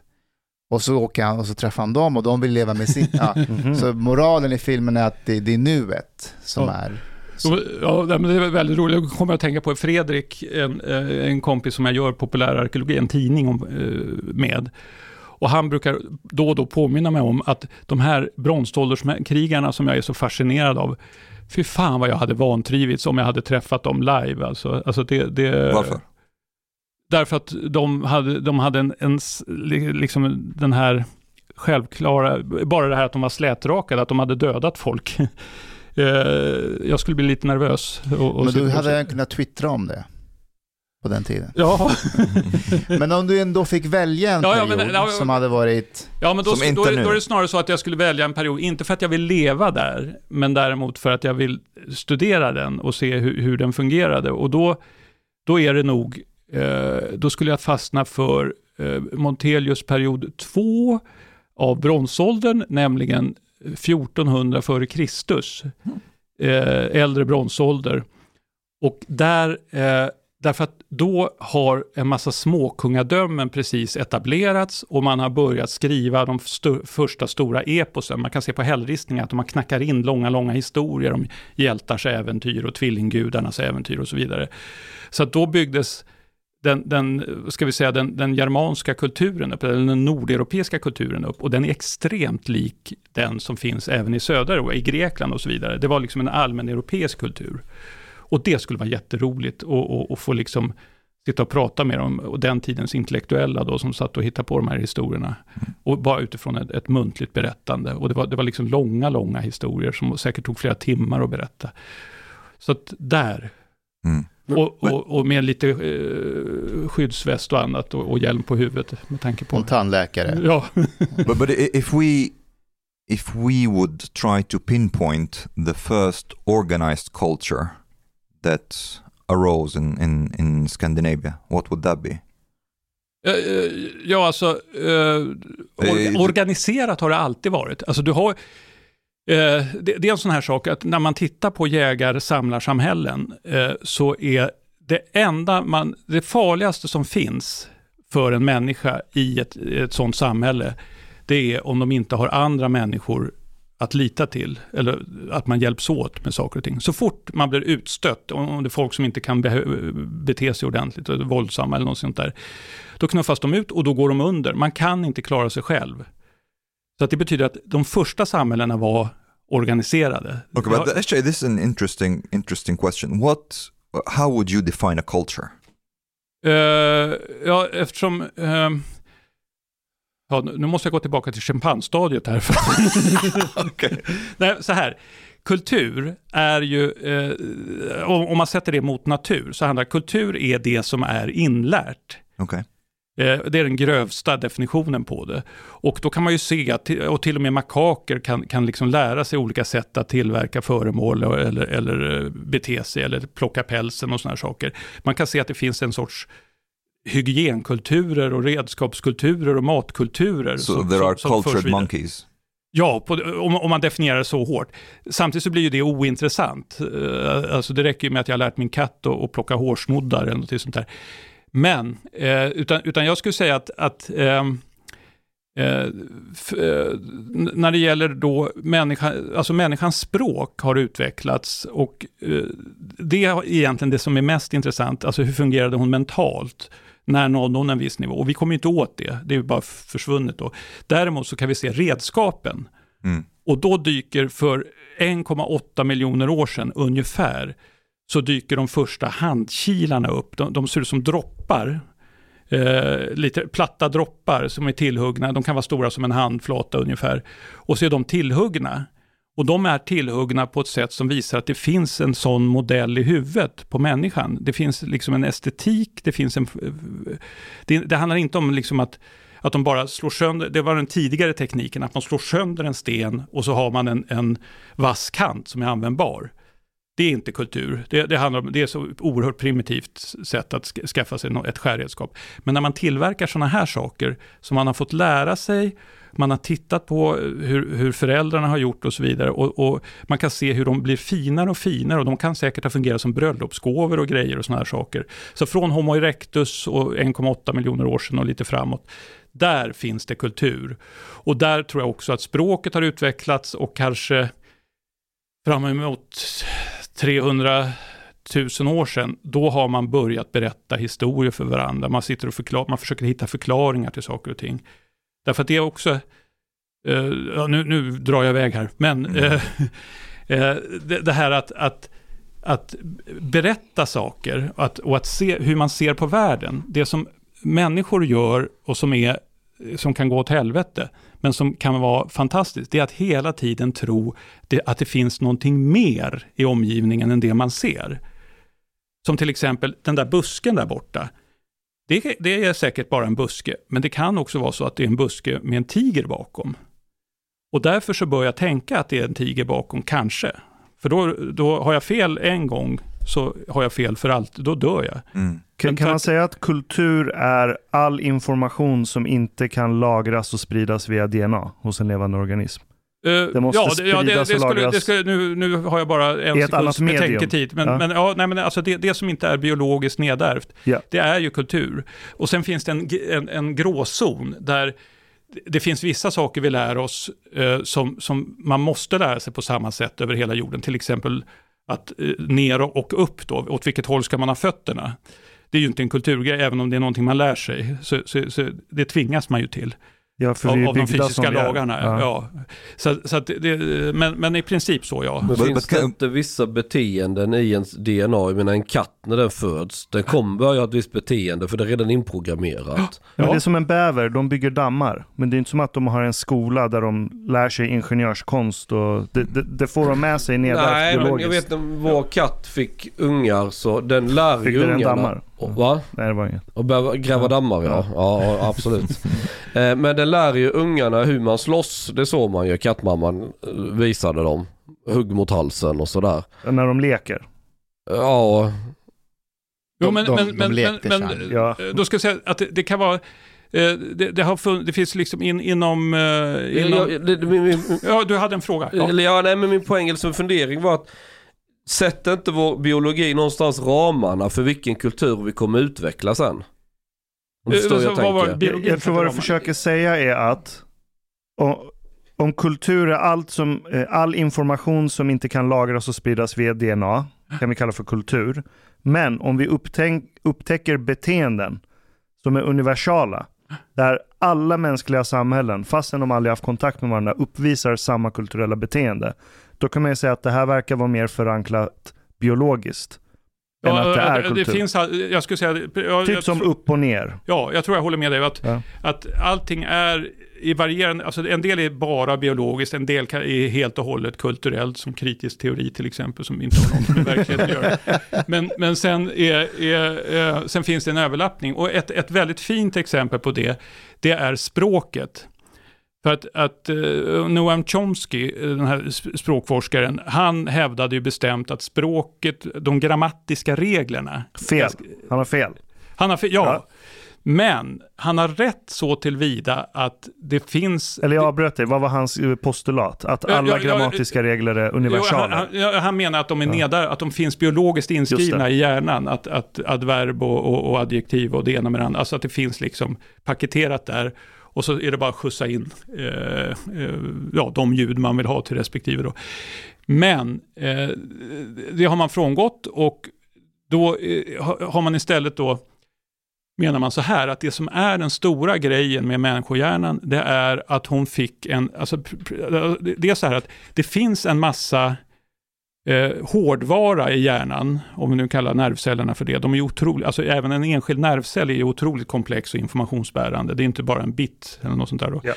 eh, då, då är de ehm, eh, de är uppbyggda så att de, de redan från födseln så innehåller de eh, en sorts mjukvara, alltså olika formler, Fouriers analysformler och allt, så jag kan inte det här i detalj, då, men, men, men det, det finns liksom olika eh, små dataprogram, man ska säga. Och då är det en grej som är extremt viktig hos människan och det är att hon för några enstaka hundratusen år sedan troligtvis utvecklade en fantastisk förmåga att se en, helhet och plocka ut delarna och analysera de delarna och lägga ihop dem med andra mönster.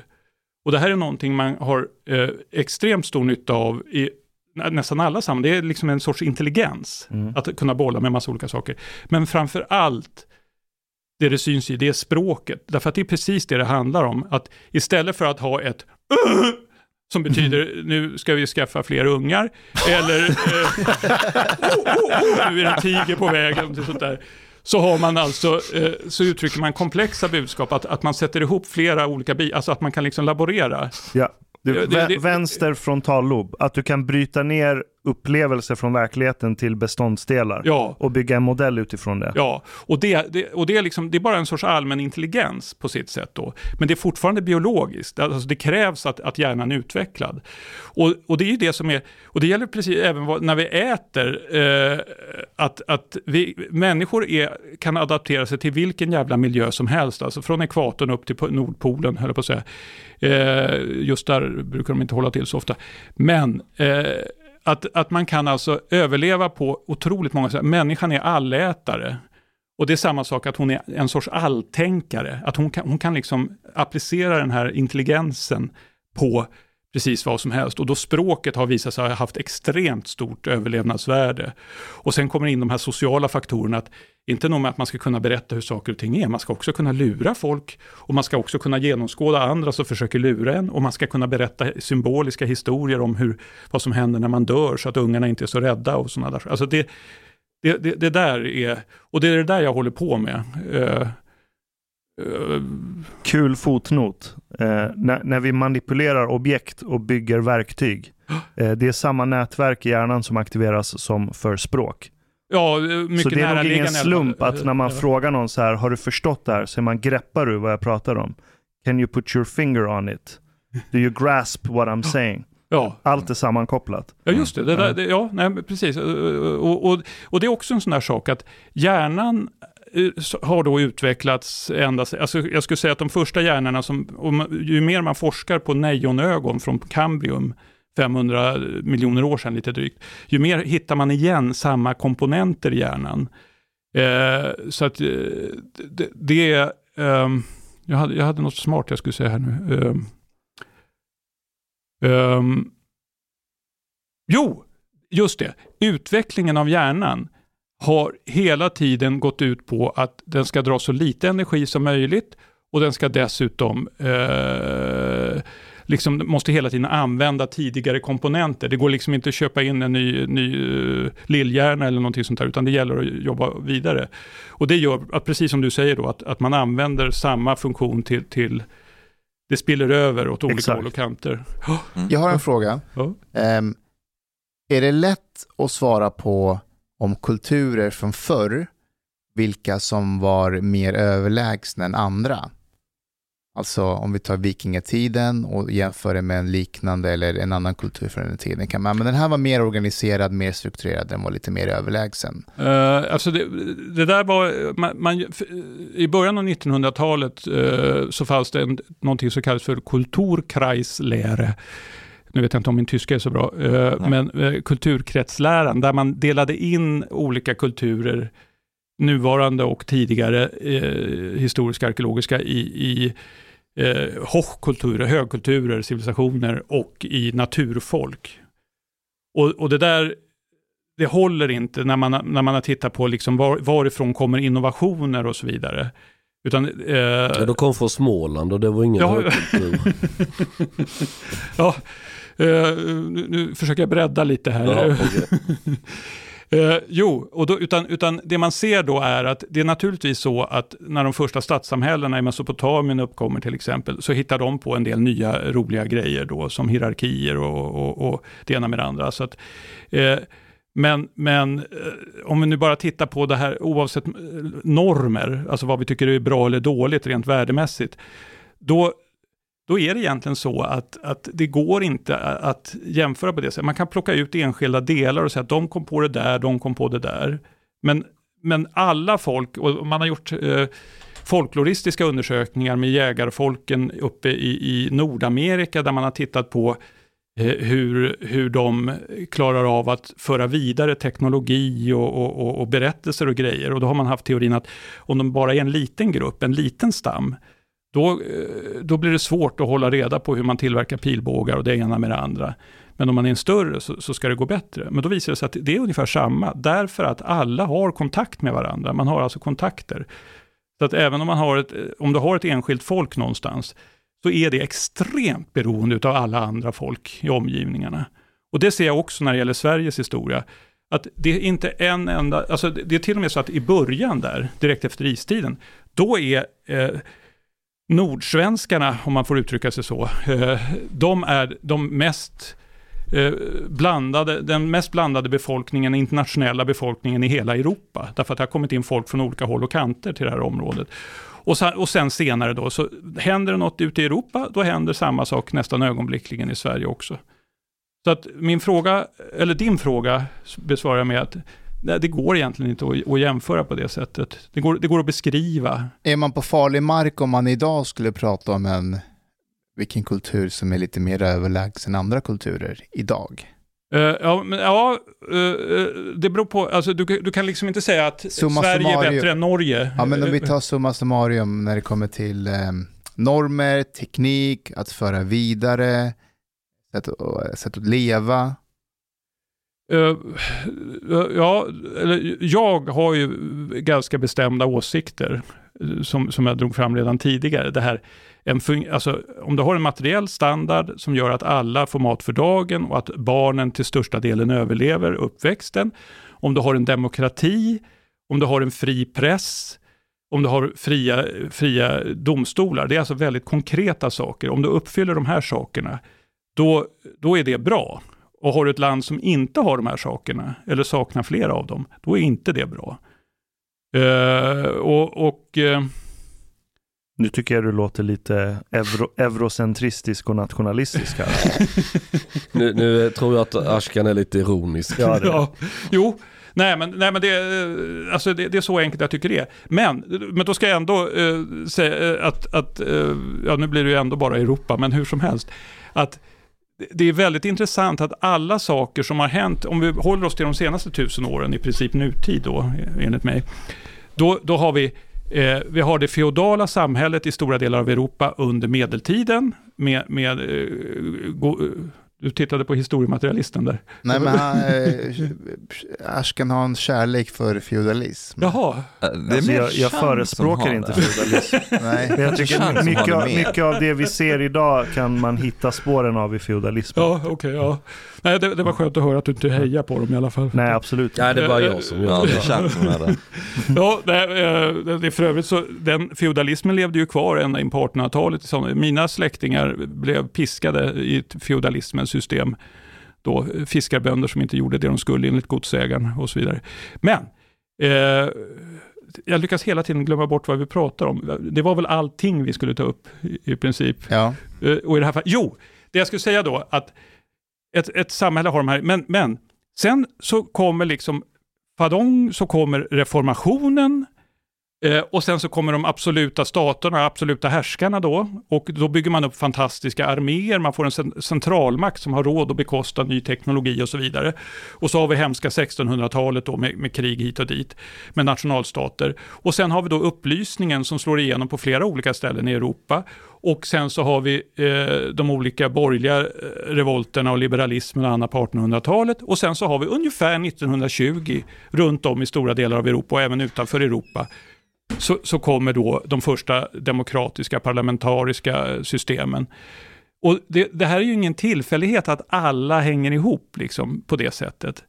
Så att, eh, eh det, det, min poäng är då att allting, eh, alltså även om det, det lyckas bättre på vissa ställen därför att man har ett bra läge geografiskt eller någonting sånt där, eller, eller råvarutillgångar och sånt där. Men det är liksom en gemensam historia hela tiden. Om vi spinner vidare på eh, Omars fråga. Det, eh, för du frågar ju vilka var de första organiserade samhällena? Och så Ja, pratar men- vi om att alla samhällen egentligen är organiserade, Ja, annars skulle de men- inte men- finnas. Mm. Men om man ställer frågan så här då, tolkar jag dig rätt då? Eh, när ser vi första spåren av samhällsbygge i geografiska Sverige som, går, som växer sig större än ett litet stamsamhälle? Okej, då skulle jag säga så här att, att eh, vi har... Eh, Du skriver om de första vikingarna. Nej, det, det, ja, du, du tänker på bronsålder eller, eh, eller gropkeramikerna. Ja, ja, exakt. Ja, fast de, det, det är fortfarande en sorts stamsamhällen, även om de är utspridda längs kusten. Det är alltså stenåldersjägare, säljägare som är riktigt tuffa människor. Eh, utan jag skulle säga så här att för 4000 år sedan, 2000 före Kristus och århundradena framförallt efter det, då sker den stora förändringen. Därför att då ökar befolkningen i södra Sverige kanske tiofalt. Alltså det blir mycket trängre. Det betyder att man liksom knökas ihop så mycket så nu måste man liksom samarbeta på helt andra nya sätt. Och det, en sån sak är att det uppstår hierarkier, att, att vissa har makten i det här samhället. Och sen så blir vi beroende av metallimport och den metallimporten kräver långdistanshandel och långdistanshandel kräver att några håller i trådarna och det är precis det de här första småkungarna gör då. Så då växer det upp ett hierarkiskt samhälle och så måste man pröjsa metallerna och ja, vi har lite pälsar, vi kan plocka in lite från Norrland och så vidare. Men det som verkligen går, det är slavar. Så då kör de stenhårt på slavhandel och så vidare. Så då har vi alltså kungar, vi har stormän, vi har, vi har vanligt folk, jag ska säga, och, och, och trälar. Då har vi det här hierarkiska Det här organiserade är samhället. 2000 före Kristus. Ja, och då är det någonting som har funnits tidigare men som blir väldigt mycket viktigare. Det, det är ungefär som fabriksklockan på 1800-talet. Det är kalendern.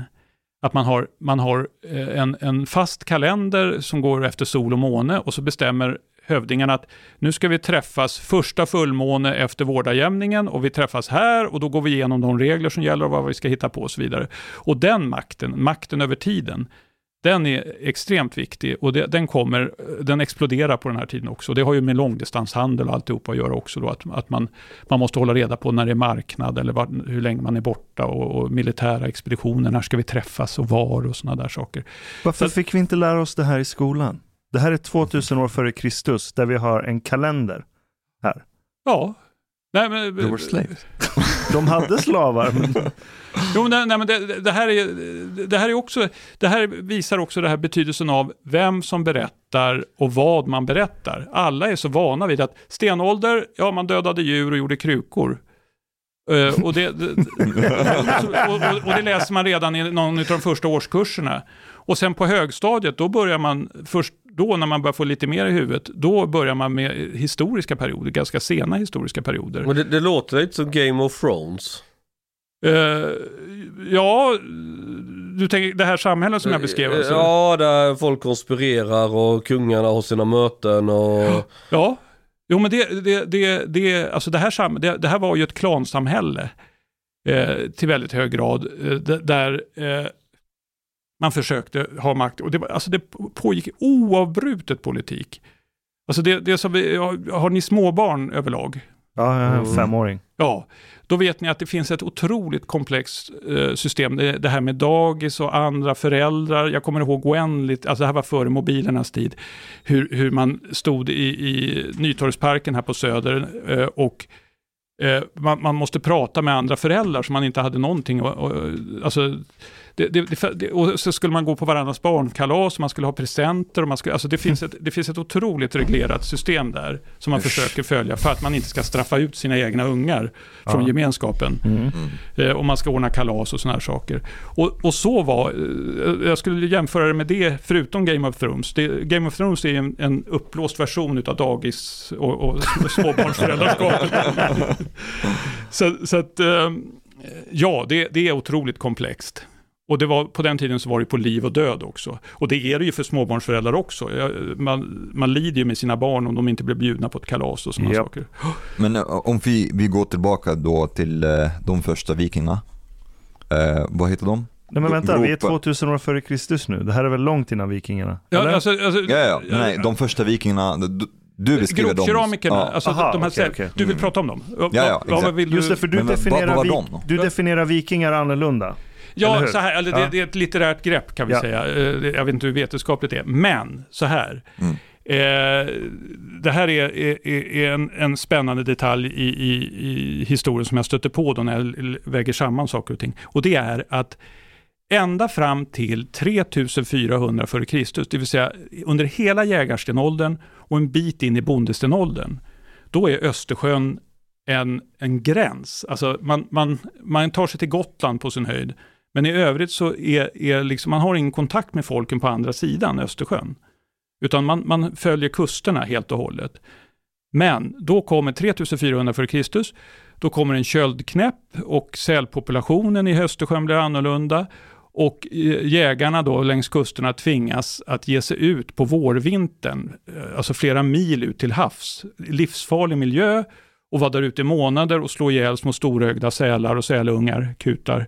Eh, har ni sett sälungar? De är skitgulliga. Ja, och de här eh, pucklar man på då, och, och, eller slog ihjäl deras mamma först och sen eh, och så vidare.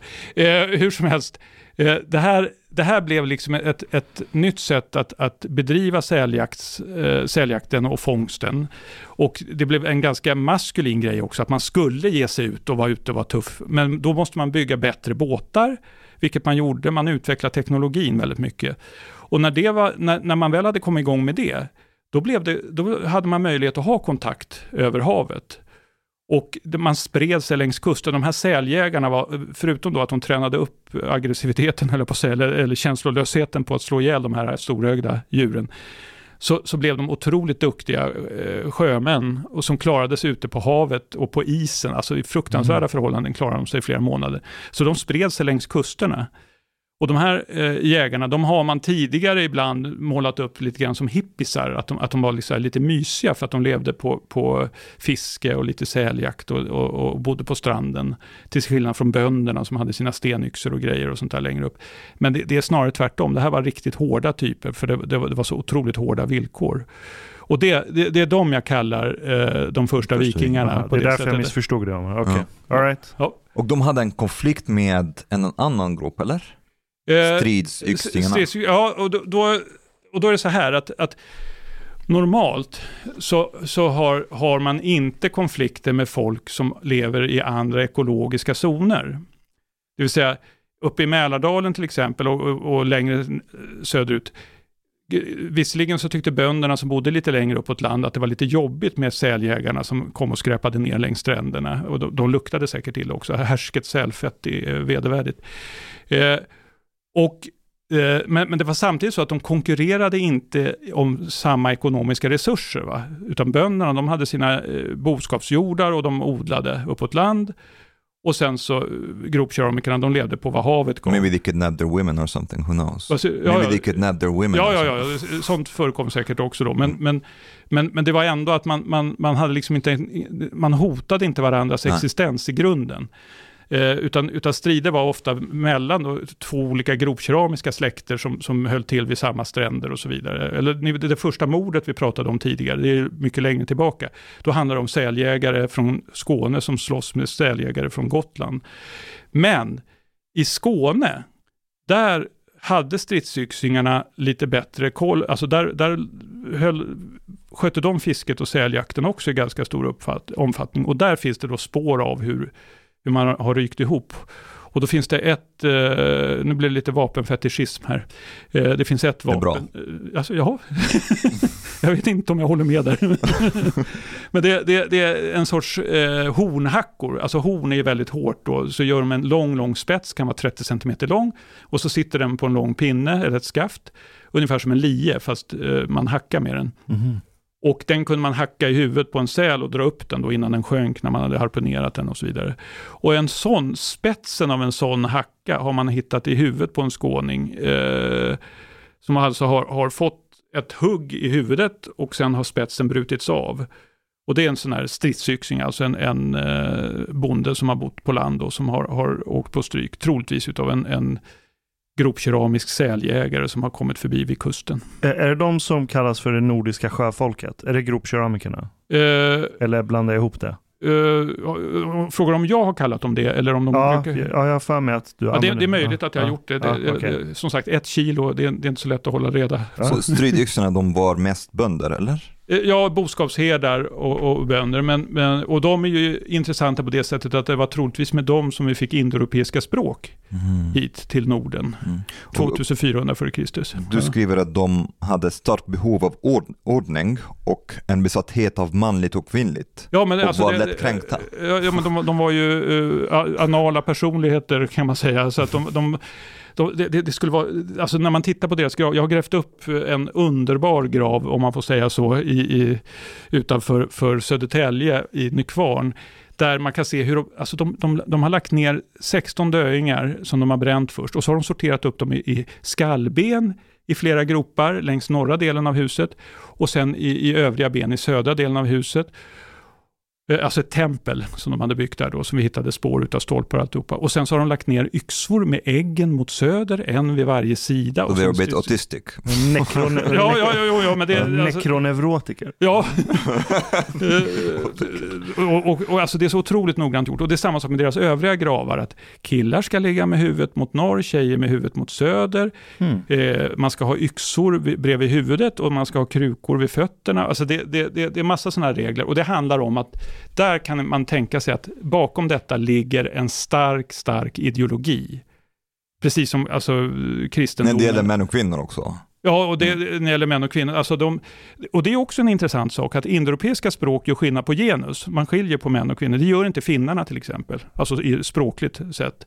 Eh, och det finns, det finns såna underbara undersökningar som visar eh, att, att eh, har man ett språk som inte innehåller tydliga genusregler, eh, då eh, lär man sig mycket senare att göra åtskillnad på sådana saker jämfört med, med eh, där man har tydliga genusregler. Och jag tror att hebreiskan är en sån här som är otroligt, där ska man i princip veta vad man själv har för kön, vad den man pratar om har för kön och vad den man pratar med har för kön. Alltså det, det är något sånt där, nu har jag väldigt grunda kunskaper. Väldigt transofobiskt på något sätt.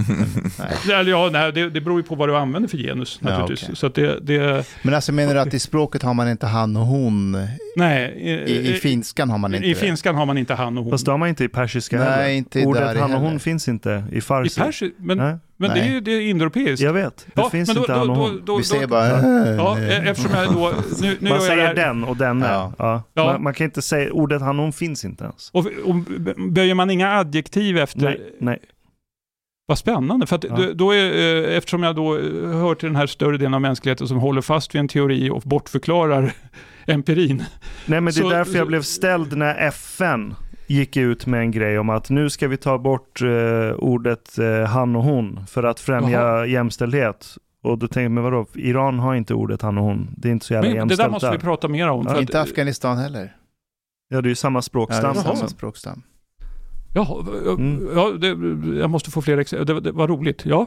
Eh, jo, men i, i, vad ska jag säga, då och där, de Ja. tidiga indoeuropeiska språken är väldigt tydliga med detta i alla fall. Men vad jag skulle säga då, att just man har jämfört finska och hebreisktalande barns, eh, alltså hur snabbt de uppfattar genus i omgivningen. Och då är det någon skillnad på ett år eller någonting sånt där.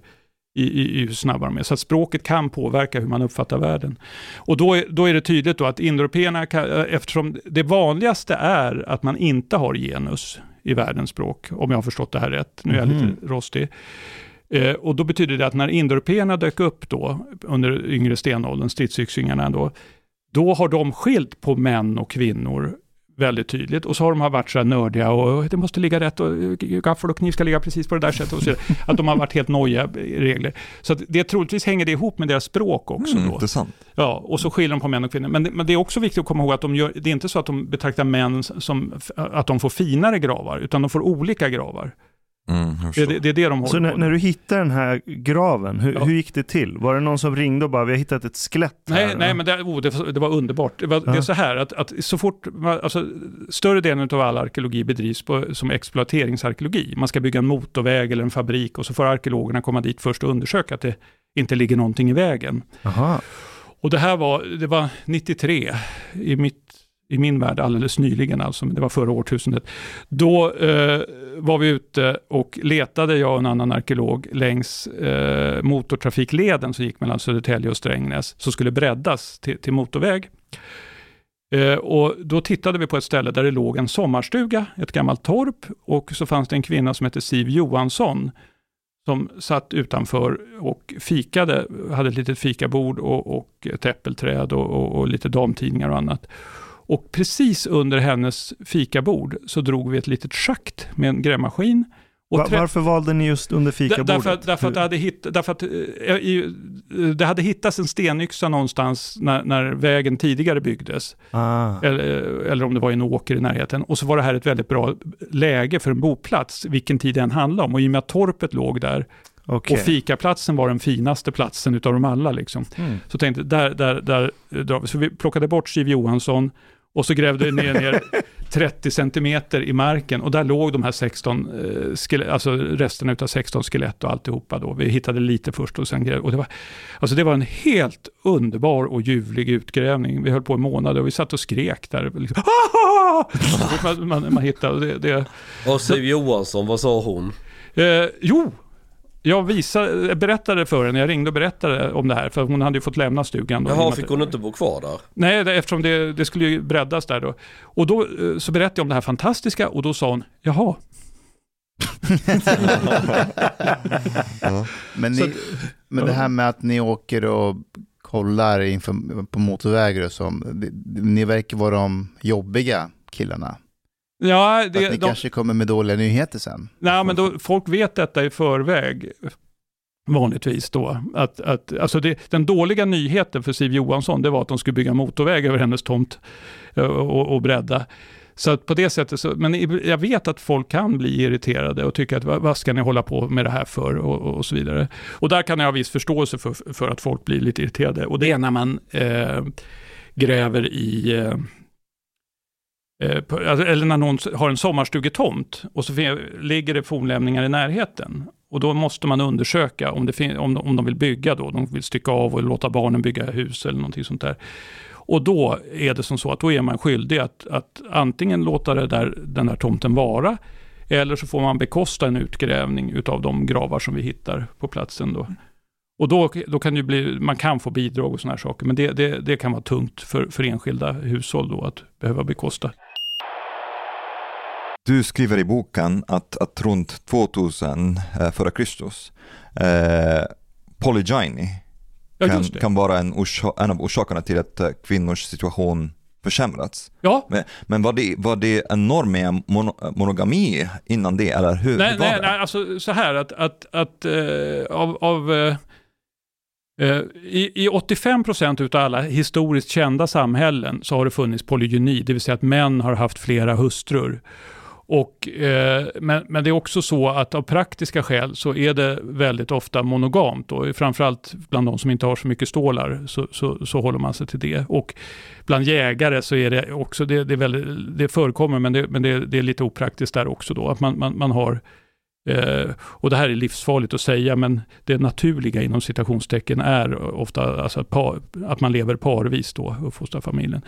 Eh, det som händer är ehm, när, när de här, jag nämnde de här hierarkierna som växer fram då, somliga blir väldigt rika och andra eh, blir slavar och så vidare. Det som händer i det, de, samhällena och, och med det här brutaliserade samhället med, med, med slavhandel och annat, det är att rika män skaffar sig flera hustrur. Och eh, halvrika kanske någon extra hustru och medan det betyder i slutändan att en stor del utav de fattigaste männen får aldrig bilda familj eller skaffa hustru eller någonting sånt överhuvudtaget. Och det, den strukturen i familj, alltså då, då finns det etnologiska, etnografiska och antropologiska studier som visar att dels inom familjen har det effekten att eh, familjen som helhet får sämre ekonomi, man får, har inte råd att utbilda ungarna och så vidare. Så det blir en nackdel på det sättet. Det blir konflikter inom familjen då mellan barnen. Eh, pojkarna i familjen kommer från kanske 10-12 års ålder att bli ganska nedlåtande mot kvinnor som de ser som ägodelar. Och sen så i samhället i stort så är det också det att man får en stor grupp män som inte förankras och får ett, en familj att ta ansvar för tillsammans med en kvinna. De får liksom bli förnekade detta. Och det leder till att de blir desperata och, och man får ökade liksom, mängd våldtäkter och, och, och kriminalitet och sådana där saker. Så man hade incel-problematik redan då. Ja, eh, men då eh, dög det ju inte att sitta framför en, en skärm eh, och, och, och svära, utan då ger de sig ut på stan på ett helt annat sätt och ställer till. Kunde man inte skicka ut dem i krig? Det kunde man göra och det var väl det som hände naturligtvis. Att, att du, att du, Eh, det, det finns alltså eh, forskare i Uppsala som eh, forskare i Uppsala som, som har eh, studerat det här och menar att en viktig del av vikingatidens expansion, alltså med plundringar och, och krigståg, det var just bristen på kvinnor i Norden. Att det, det var liksom enda karriärsmöjligheten för den som ville komma någon vart. Kan man säga att det var kvinnornas fel? Eh, Där tror jag att du hamnade väldigt fel. Ja, jag bara tänka högt. Du, jag har en fråga kring eh, eh, skatter och så. Alltså man på sin tomt råkar hitta någon skatt från Ja. vikingatiden eller från kungars tid. Hur funkar det idag eh, helt liksom, praktiskt? Ja, och då, då ska jag säga att jag, jag är lite rostig på det här. Men det finns något som heter kulturmiljölagen. Och på min tid så, så uh, tror jag att om man förstörde fornlämningar eller något sånt där, man riskerade upp till två års fängelse. Jag tror att det finns kvar. Jag tror aldrig att det har hänt att man har dömt ut det straffet. Men då är det som så att beroende på uh, hur, uh, vilket värde det är som man hittar, om det bara är sten eller om det är metall, om det är flera föremål eller bara ett föremål, Uh, Hur som helst så är man skyldig att rapportera detta, tala om detta. Eh, och, eh, och man får inte själv gräva upp det. Och, och, och, eh, det här är så otroligt stort, därför att det, eh, i alla fall i arkeologikretsar. Därför att det är också så att det finns ju folk som går runt med metalldetektor och hittar saker och så vet de att eh, om, om jag anmäler det här så, så vet de att jag har varit och sökt på ett ställe där jag kanske inte fick undersöka och så vidare. Och så behåller de grejerna och sådana här saker. Så att det, det pågår en diskussion hela tiden med de reglerna. Men om, om man vill vara en bra människa, och det vill vi alla, eh, det vill säga eh, det arkeologiska idealet främst, då är det som så att ett, eh, gå inte och leta på egen hand och gräv på, i fornlämningsskyddade områden. Det är olagligt. Då. Två, om du hittar någonting, kontakta experter och låt dem titta på det. Och sen så är ehm, och sen är det så att man ska få ersättning. Och det finns en diskussion där man för Riksantikvarieämbetets eh, jurister håller på att diskutera lite fram och tillbaka. Och, och jag vet inte riktigt var de har hamnat. Det pågår en utredning om huruvida man ska få rejält betalt eller om man bara ska få lite betalt. Ja, och det var lite det jag var ute efter. För så som det har sett ut är ju att om du hittar någon, säg någon skatt från någon period i, i tiden, så måste du lämna kontakt med myndigheter och så eh, det är staten som, som tar det. Ja. Och att man inte alltid har fått ersättning för det. Och om man då är en dålig människa, eh, riskerar man inte då att, att de som hittar de här skatterna inte rapporterar in det Jo. om de inte får ersättningar för det? Ja, nej precis. Därför, och, och, och, och, och det har varit en diskussion att tidigare har det fungerat ganska bra. När, om vi bortser från det här med metalldetektorer som är ett, ett ständigt problem, så har folk fått en bra ersättning. Eh, men nu så, så eh, försöker man eventuellt ändra på regeln och säga att, om, att man ska inte dela ut belöningen om det har kommit fram på si och så och så vidare, att det är lite osäkert. Och det där hoppas jag ska landa nu Därför att det pågår rättsliga processer där Riksantikvarieämbetet håller på att pröva detta eh, Hur, hur man ska gå tillväga. Nu låter jag väldigt byråkratisk och det beror på att det är Mm. väldigt byråkratiskt och, och att jag inte är så bra påläst där. Finns det något specifikt föremål eller ehm, olika saker, en skatt eller så, som man vet finns där ute och som man hoppas kunna hitta i framtiden? Eh, ja, nu, nu när det gäller saker som folk i smyg har hittat och, och, och, och smitit iväg med, det, det kan jag inte svara på eftersom det, själva poängen är att det inte är känt helt enkelt. Då. Men eh, den klassiska eh, fyndet det är ha, och Havorringen. Och det är en otroligt vacker eh, det beror lite grann på om man, om man gillar eh, överdriven stil eller ej, man ska säga. Men eh, Havorringen, den, den är utav guld och den hittades på 60-talet på eh, Gotland, i sö södra Gotland, Havor, och i, i en gammal tempelborg. Alltså en, en 2000 år gammal rund vall där man har haft eh, religiös kult och så vidare. Och där hade de grävt ner en skatt med massa olika föremål. Och bland annat den här guldringen som är otroligt fint gjord med filigranteknik. Små, små, små mikroskopiska droppar utav guld och lite annat. Och som är från eh, 50 Kristus ungefär. Eh, och tillverkad på Gotland, eh, det kan man se på stilen. Men det intressanta är att troligtvis så är den smeden eh, importerad, hur man nu ska säga, eh, det vill säga det, det, är någon slavliknande guldsmed som har hämtats hem ifrån norra Svarta havskusten. Just i trakten utav Krim. Va? Ja, alldeles i närheten där i, i, i Olbia, en grekisk kolonistad som plundrades just kring år 50 f.Kr. Och då kan man misstänka, alltså det, det, är spekulation då, men då kan man misstänka att den smeden har, har förts till Gotland som ett krigsbyte, när gutarna tillsammans med andra germaner har varit nere och plundrat grekerna. Eh, och sen så har, har den tillverkats. Och den ställdes ut då, eh, Havoringen, eh, på Visby museum och den stals så småningom. Och, eh, Va? Ja, så den är försvunnen, därför att man, eh, arkeologer är inte bara eh, duktiga, de kan vara lite klantiga också när det gäller att lita på andra människor. Den var inte särskilt väl undangömd. Man hade misstankar om en person som jag tror är död vid det här laget. Det har skrivits böcker om det och att det finns idéer om att den ligger inmurad bakom en vägg i Visby och, och så vidare. Hur mycket skulle den vara värd idag? Eh, jag kan inte svara ekonomiskt, men, men eh, jag kan bara affektionsmässigt så är den extremt värdefull, därför att den är liksom det första exemplet på en helt ny eh, guldsmidestradition och eh, ett hantverk. Det är ungefär som om vi skulle hitta den första vallonens stångjärn eller någonting sånt där. Därför att det här är eh, ytterligare ett klassiskt exempel på att Sverige hela tiden står i kontakt med omvärlden och, och får in impulser och så vidare. Att, att det, det, går liksom inte att tala om någon, någon enhetlig kultur eller isolerad kultur. Så att eh, jag svarar jätte, jätte, jättemycket. Så att hitta den, det är liksom arkeologernas motsvarighet till vem som dödade Palme. ja, eh, fast det är väl utrett eh, redan. Eh, Men det, det nya de kom fram till, Christer Pettersson kom fram till att det var Eh, Skandiamannen. Skandiamannen. Ja. Eller i alla fall, det är vad jag tror. Men, men, Tror du på det?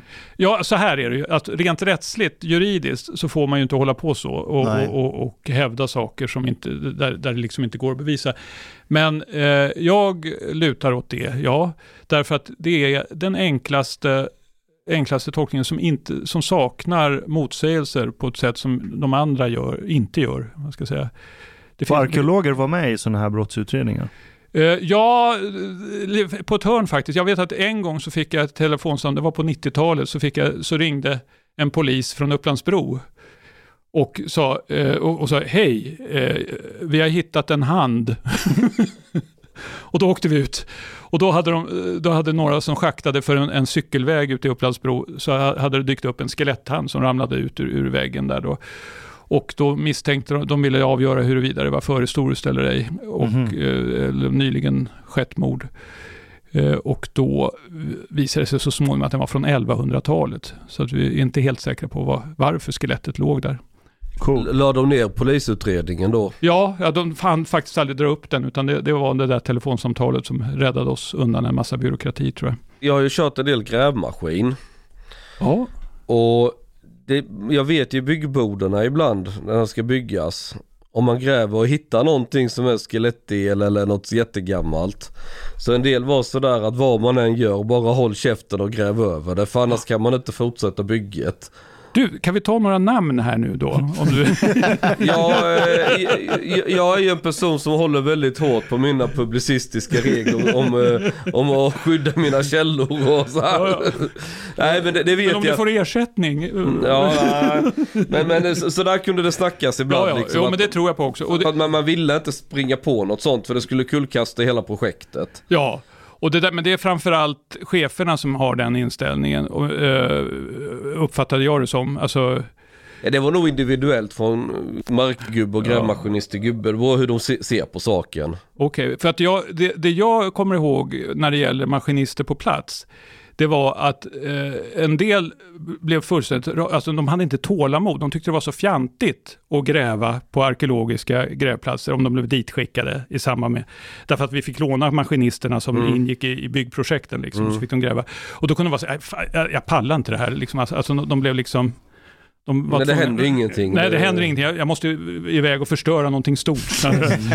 Men sen fanns det de som var otro, alltså som var liksom, som förstod den här underbara, det här att liksom skrapa. Och, och, och det finns ju maskinister som är, har de inte tävlingar där de håller på att sätta fast en tändsticka? Men, på- jo, jo, vem Ja, som kan köra rotortilten med Ja, mest precision-. Ja, just det. Men däremot, den andra gruppen du nämner, jag tror inte de är så intresserade av arkeologi. Det var att de slipper anstränga sig, Ja, de kan ja, ja. fakturera timme för timme. Nu- Och det passar en del gubbar väldigt bra. Eh, Har jag varit så blåögd i alla år? Jag trodde att de tyckte det var roligt. Men, eh, jo, nej, men det, du har rätt i att det är ett smörjobb. Det- ja, det är ett Man, sliter, man sliter inte på maskinen. Nej, nej, nej, nej, nej men när man bara duttar betalt. lite med, med en planskopa. Ja, Men- nej, nej, nej, nej, det där är ju bara att sitta med kaffemuggen och lyssna på poddar och jaha, nu tar vi ett litet, litet tag till där ja. Så, nu kan vi stänga av maskinen igen. Ja, jo, nej men det är det. Men, men eh, bara för att inte mitt hjärta ska brista, jag måste Ja. påpeka att det var en, nu kommer jag inte ihåg vad han hette i efternamn, men Lennart eh, i Södertälje-trakten, han var genuint intresserad. Han kan inte ha spelat. Nej men det tror jag nog att det är klart, det är individuellt. Det är klart att det finns de som kör grävmaskin som kan tycka det är spännande om man gräver fram något riktigt gammalt. Det, tycker väl de flesta människor någonstans. Om vi sammanfattar lite då. Så vi har Nordens geografi. Eh, till en början ett område som nästan ingen tar sig till. Och så har vi det här istäcket som du beskriver som en rullgardin. Ja. Som eh, fryser fast, smälter, fryser fast, smälter. Så det öppnas upp ingångar upp till det här geografiska området. Folk från Europa pushas uppåt eh, av olika anledningar och så bildas det stamsamhällen, renjakt, älgjakt, säljägare. Och så kom vi in på gropkeramikerna, eh, eller det nordiska sjöfolket som egentligen lägger grunden till någon sorts vikingafolk. Ja, Med alltså sina det är- avancerade båtar och Ja, de bidrar med lite maritimt där på Ja. ett hörn. In- En del, eh, sen är mycket annat som kommer från annat håll då. Ja. Ja, och, och, och nu är vi någonstans var? 2000 före Kristus? 2000 före Kristus och då har vi också hunnit prata om det här med hierarkierna som växer fram, Just slavhandel och alltihopa. Och, och, Och nekroneurotikerna med sina gravar. ja, och, pre- ja, alltså, det var stridsyxlingar, det var, lite, det var samtidigt med gropkeramikerna. Right. Så att det, de, de hade också en, Mm. alltså det där är också någonting som går in i, i receptet då för att utveckla de här mer tättbebodda hierarkiska samhällena. Du fattar väl vad, vad, vad sådana stridsyxingar eh, med anala personligheter kan åstadkomma byråkratiskt och i, i, i kungariken och annat då när det gäller att ordna upp saker och ting. Så att det, det kommer vart efter.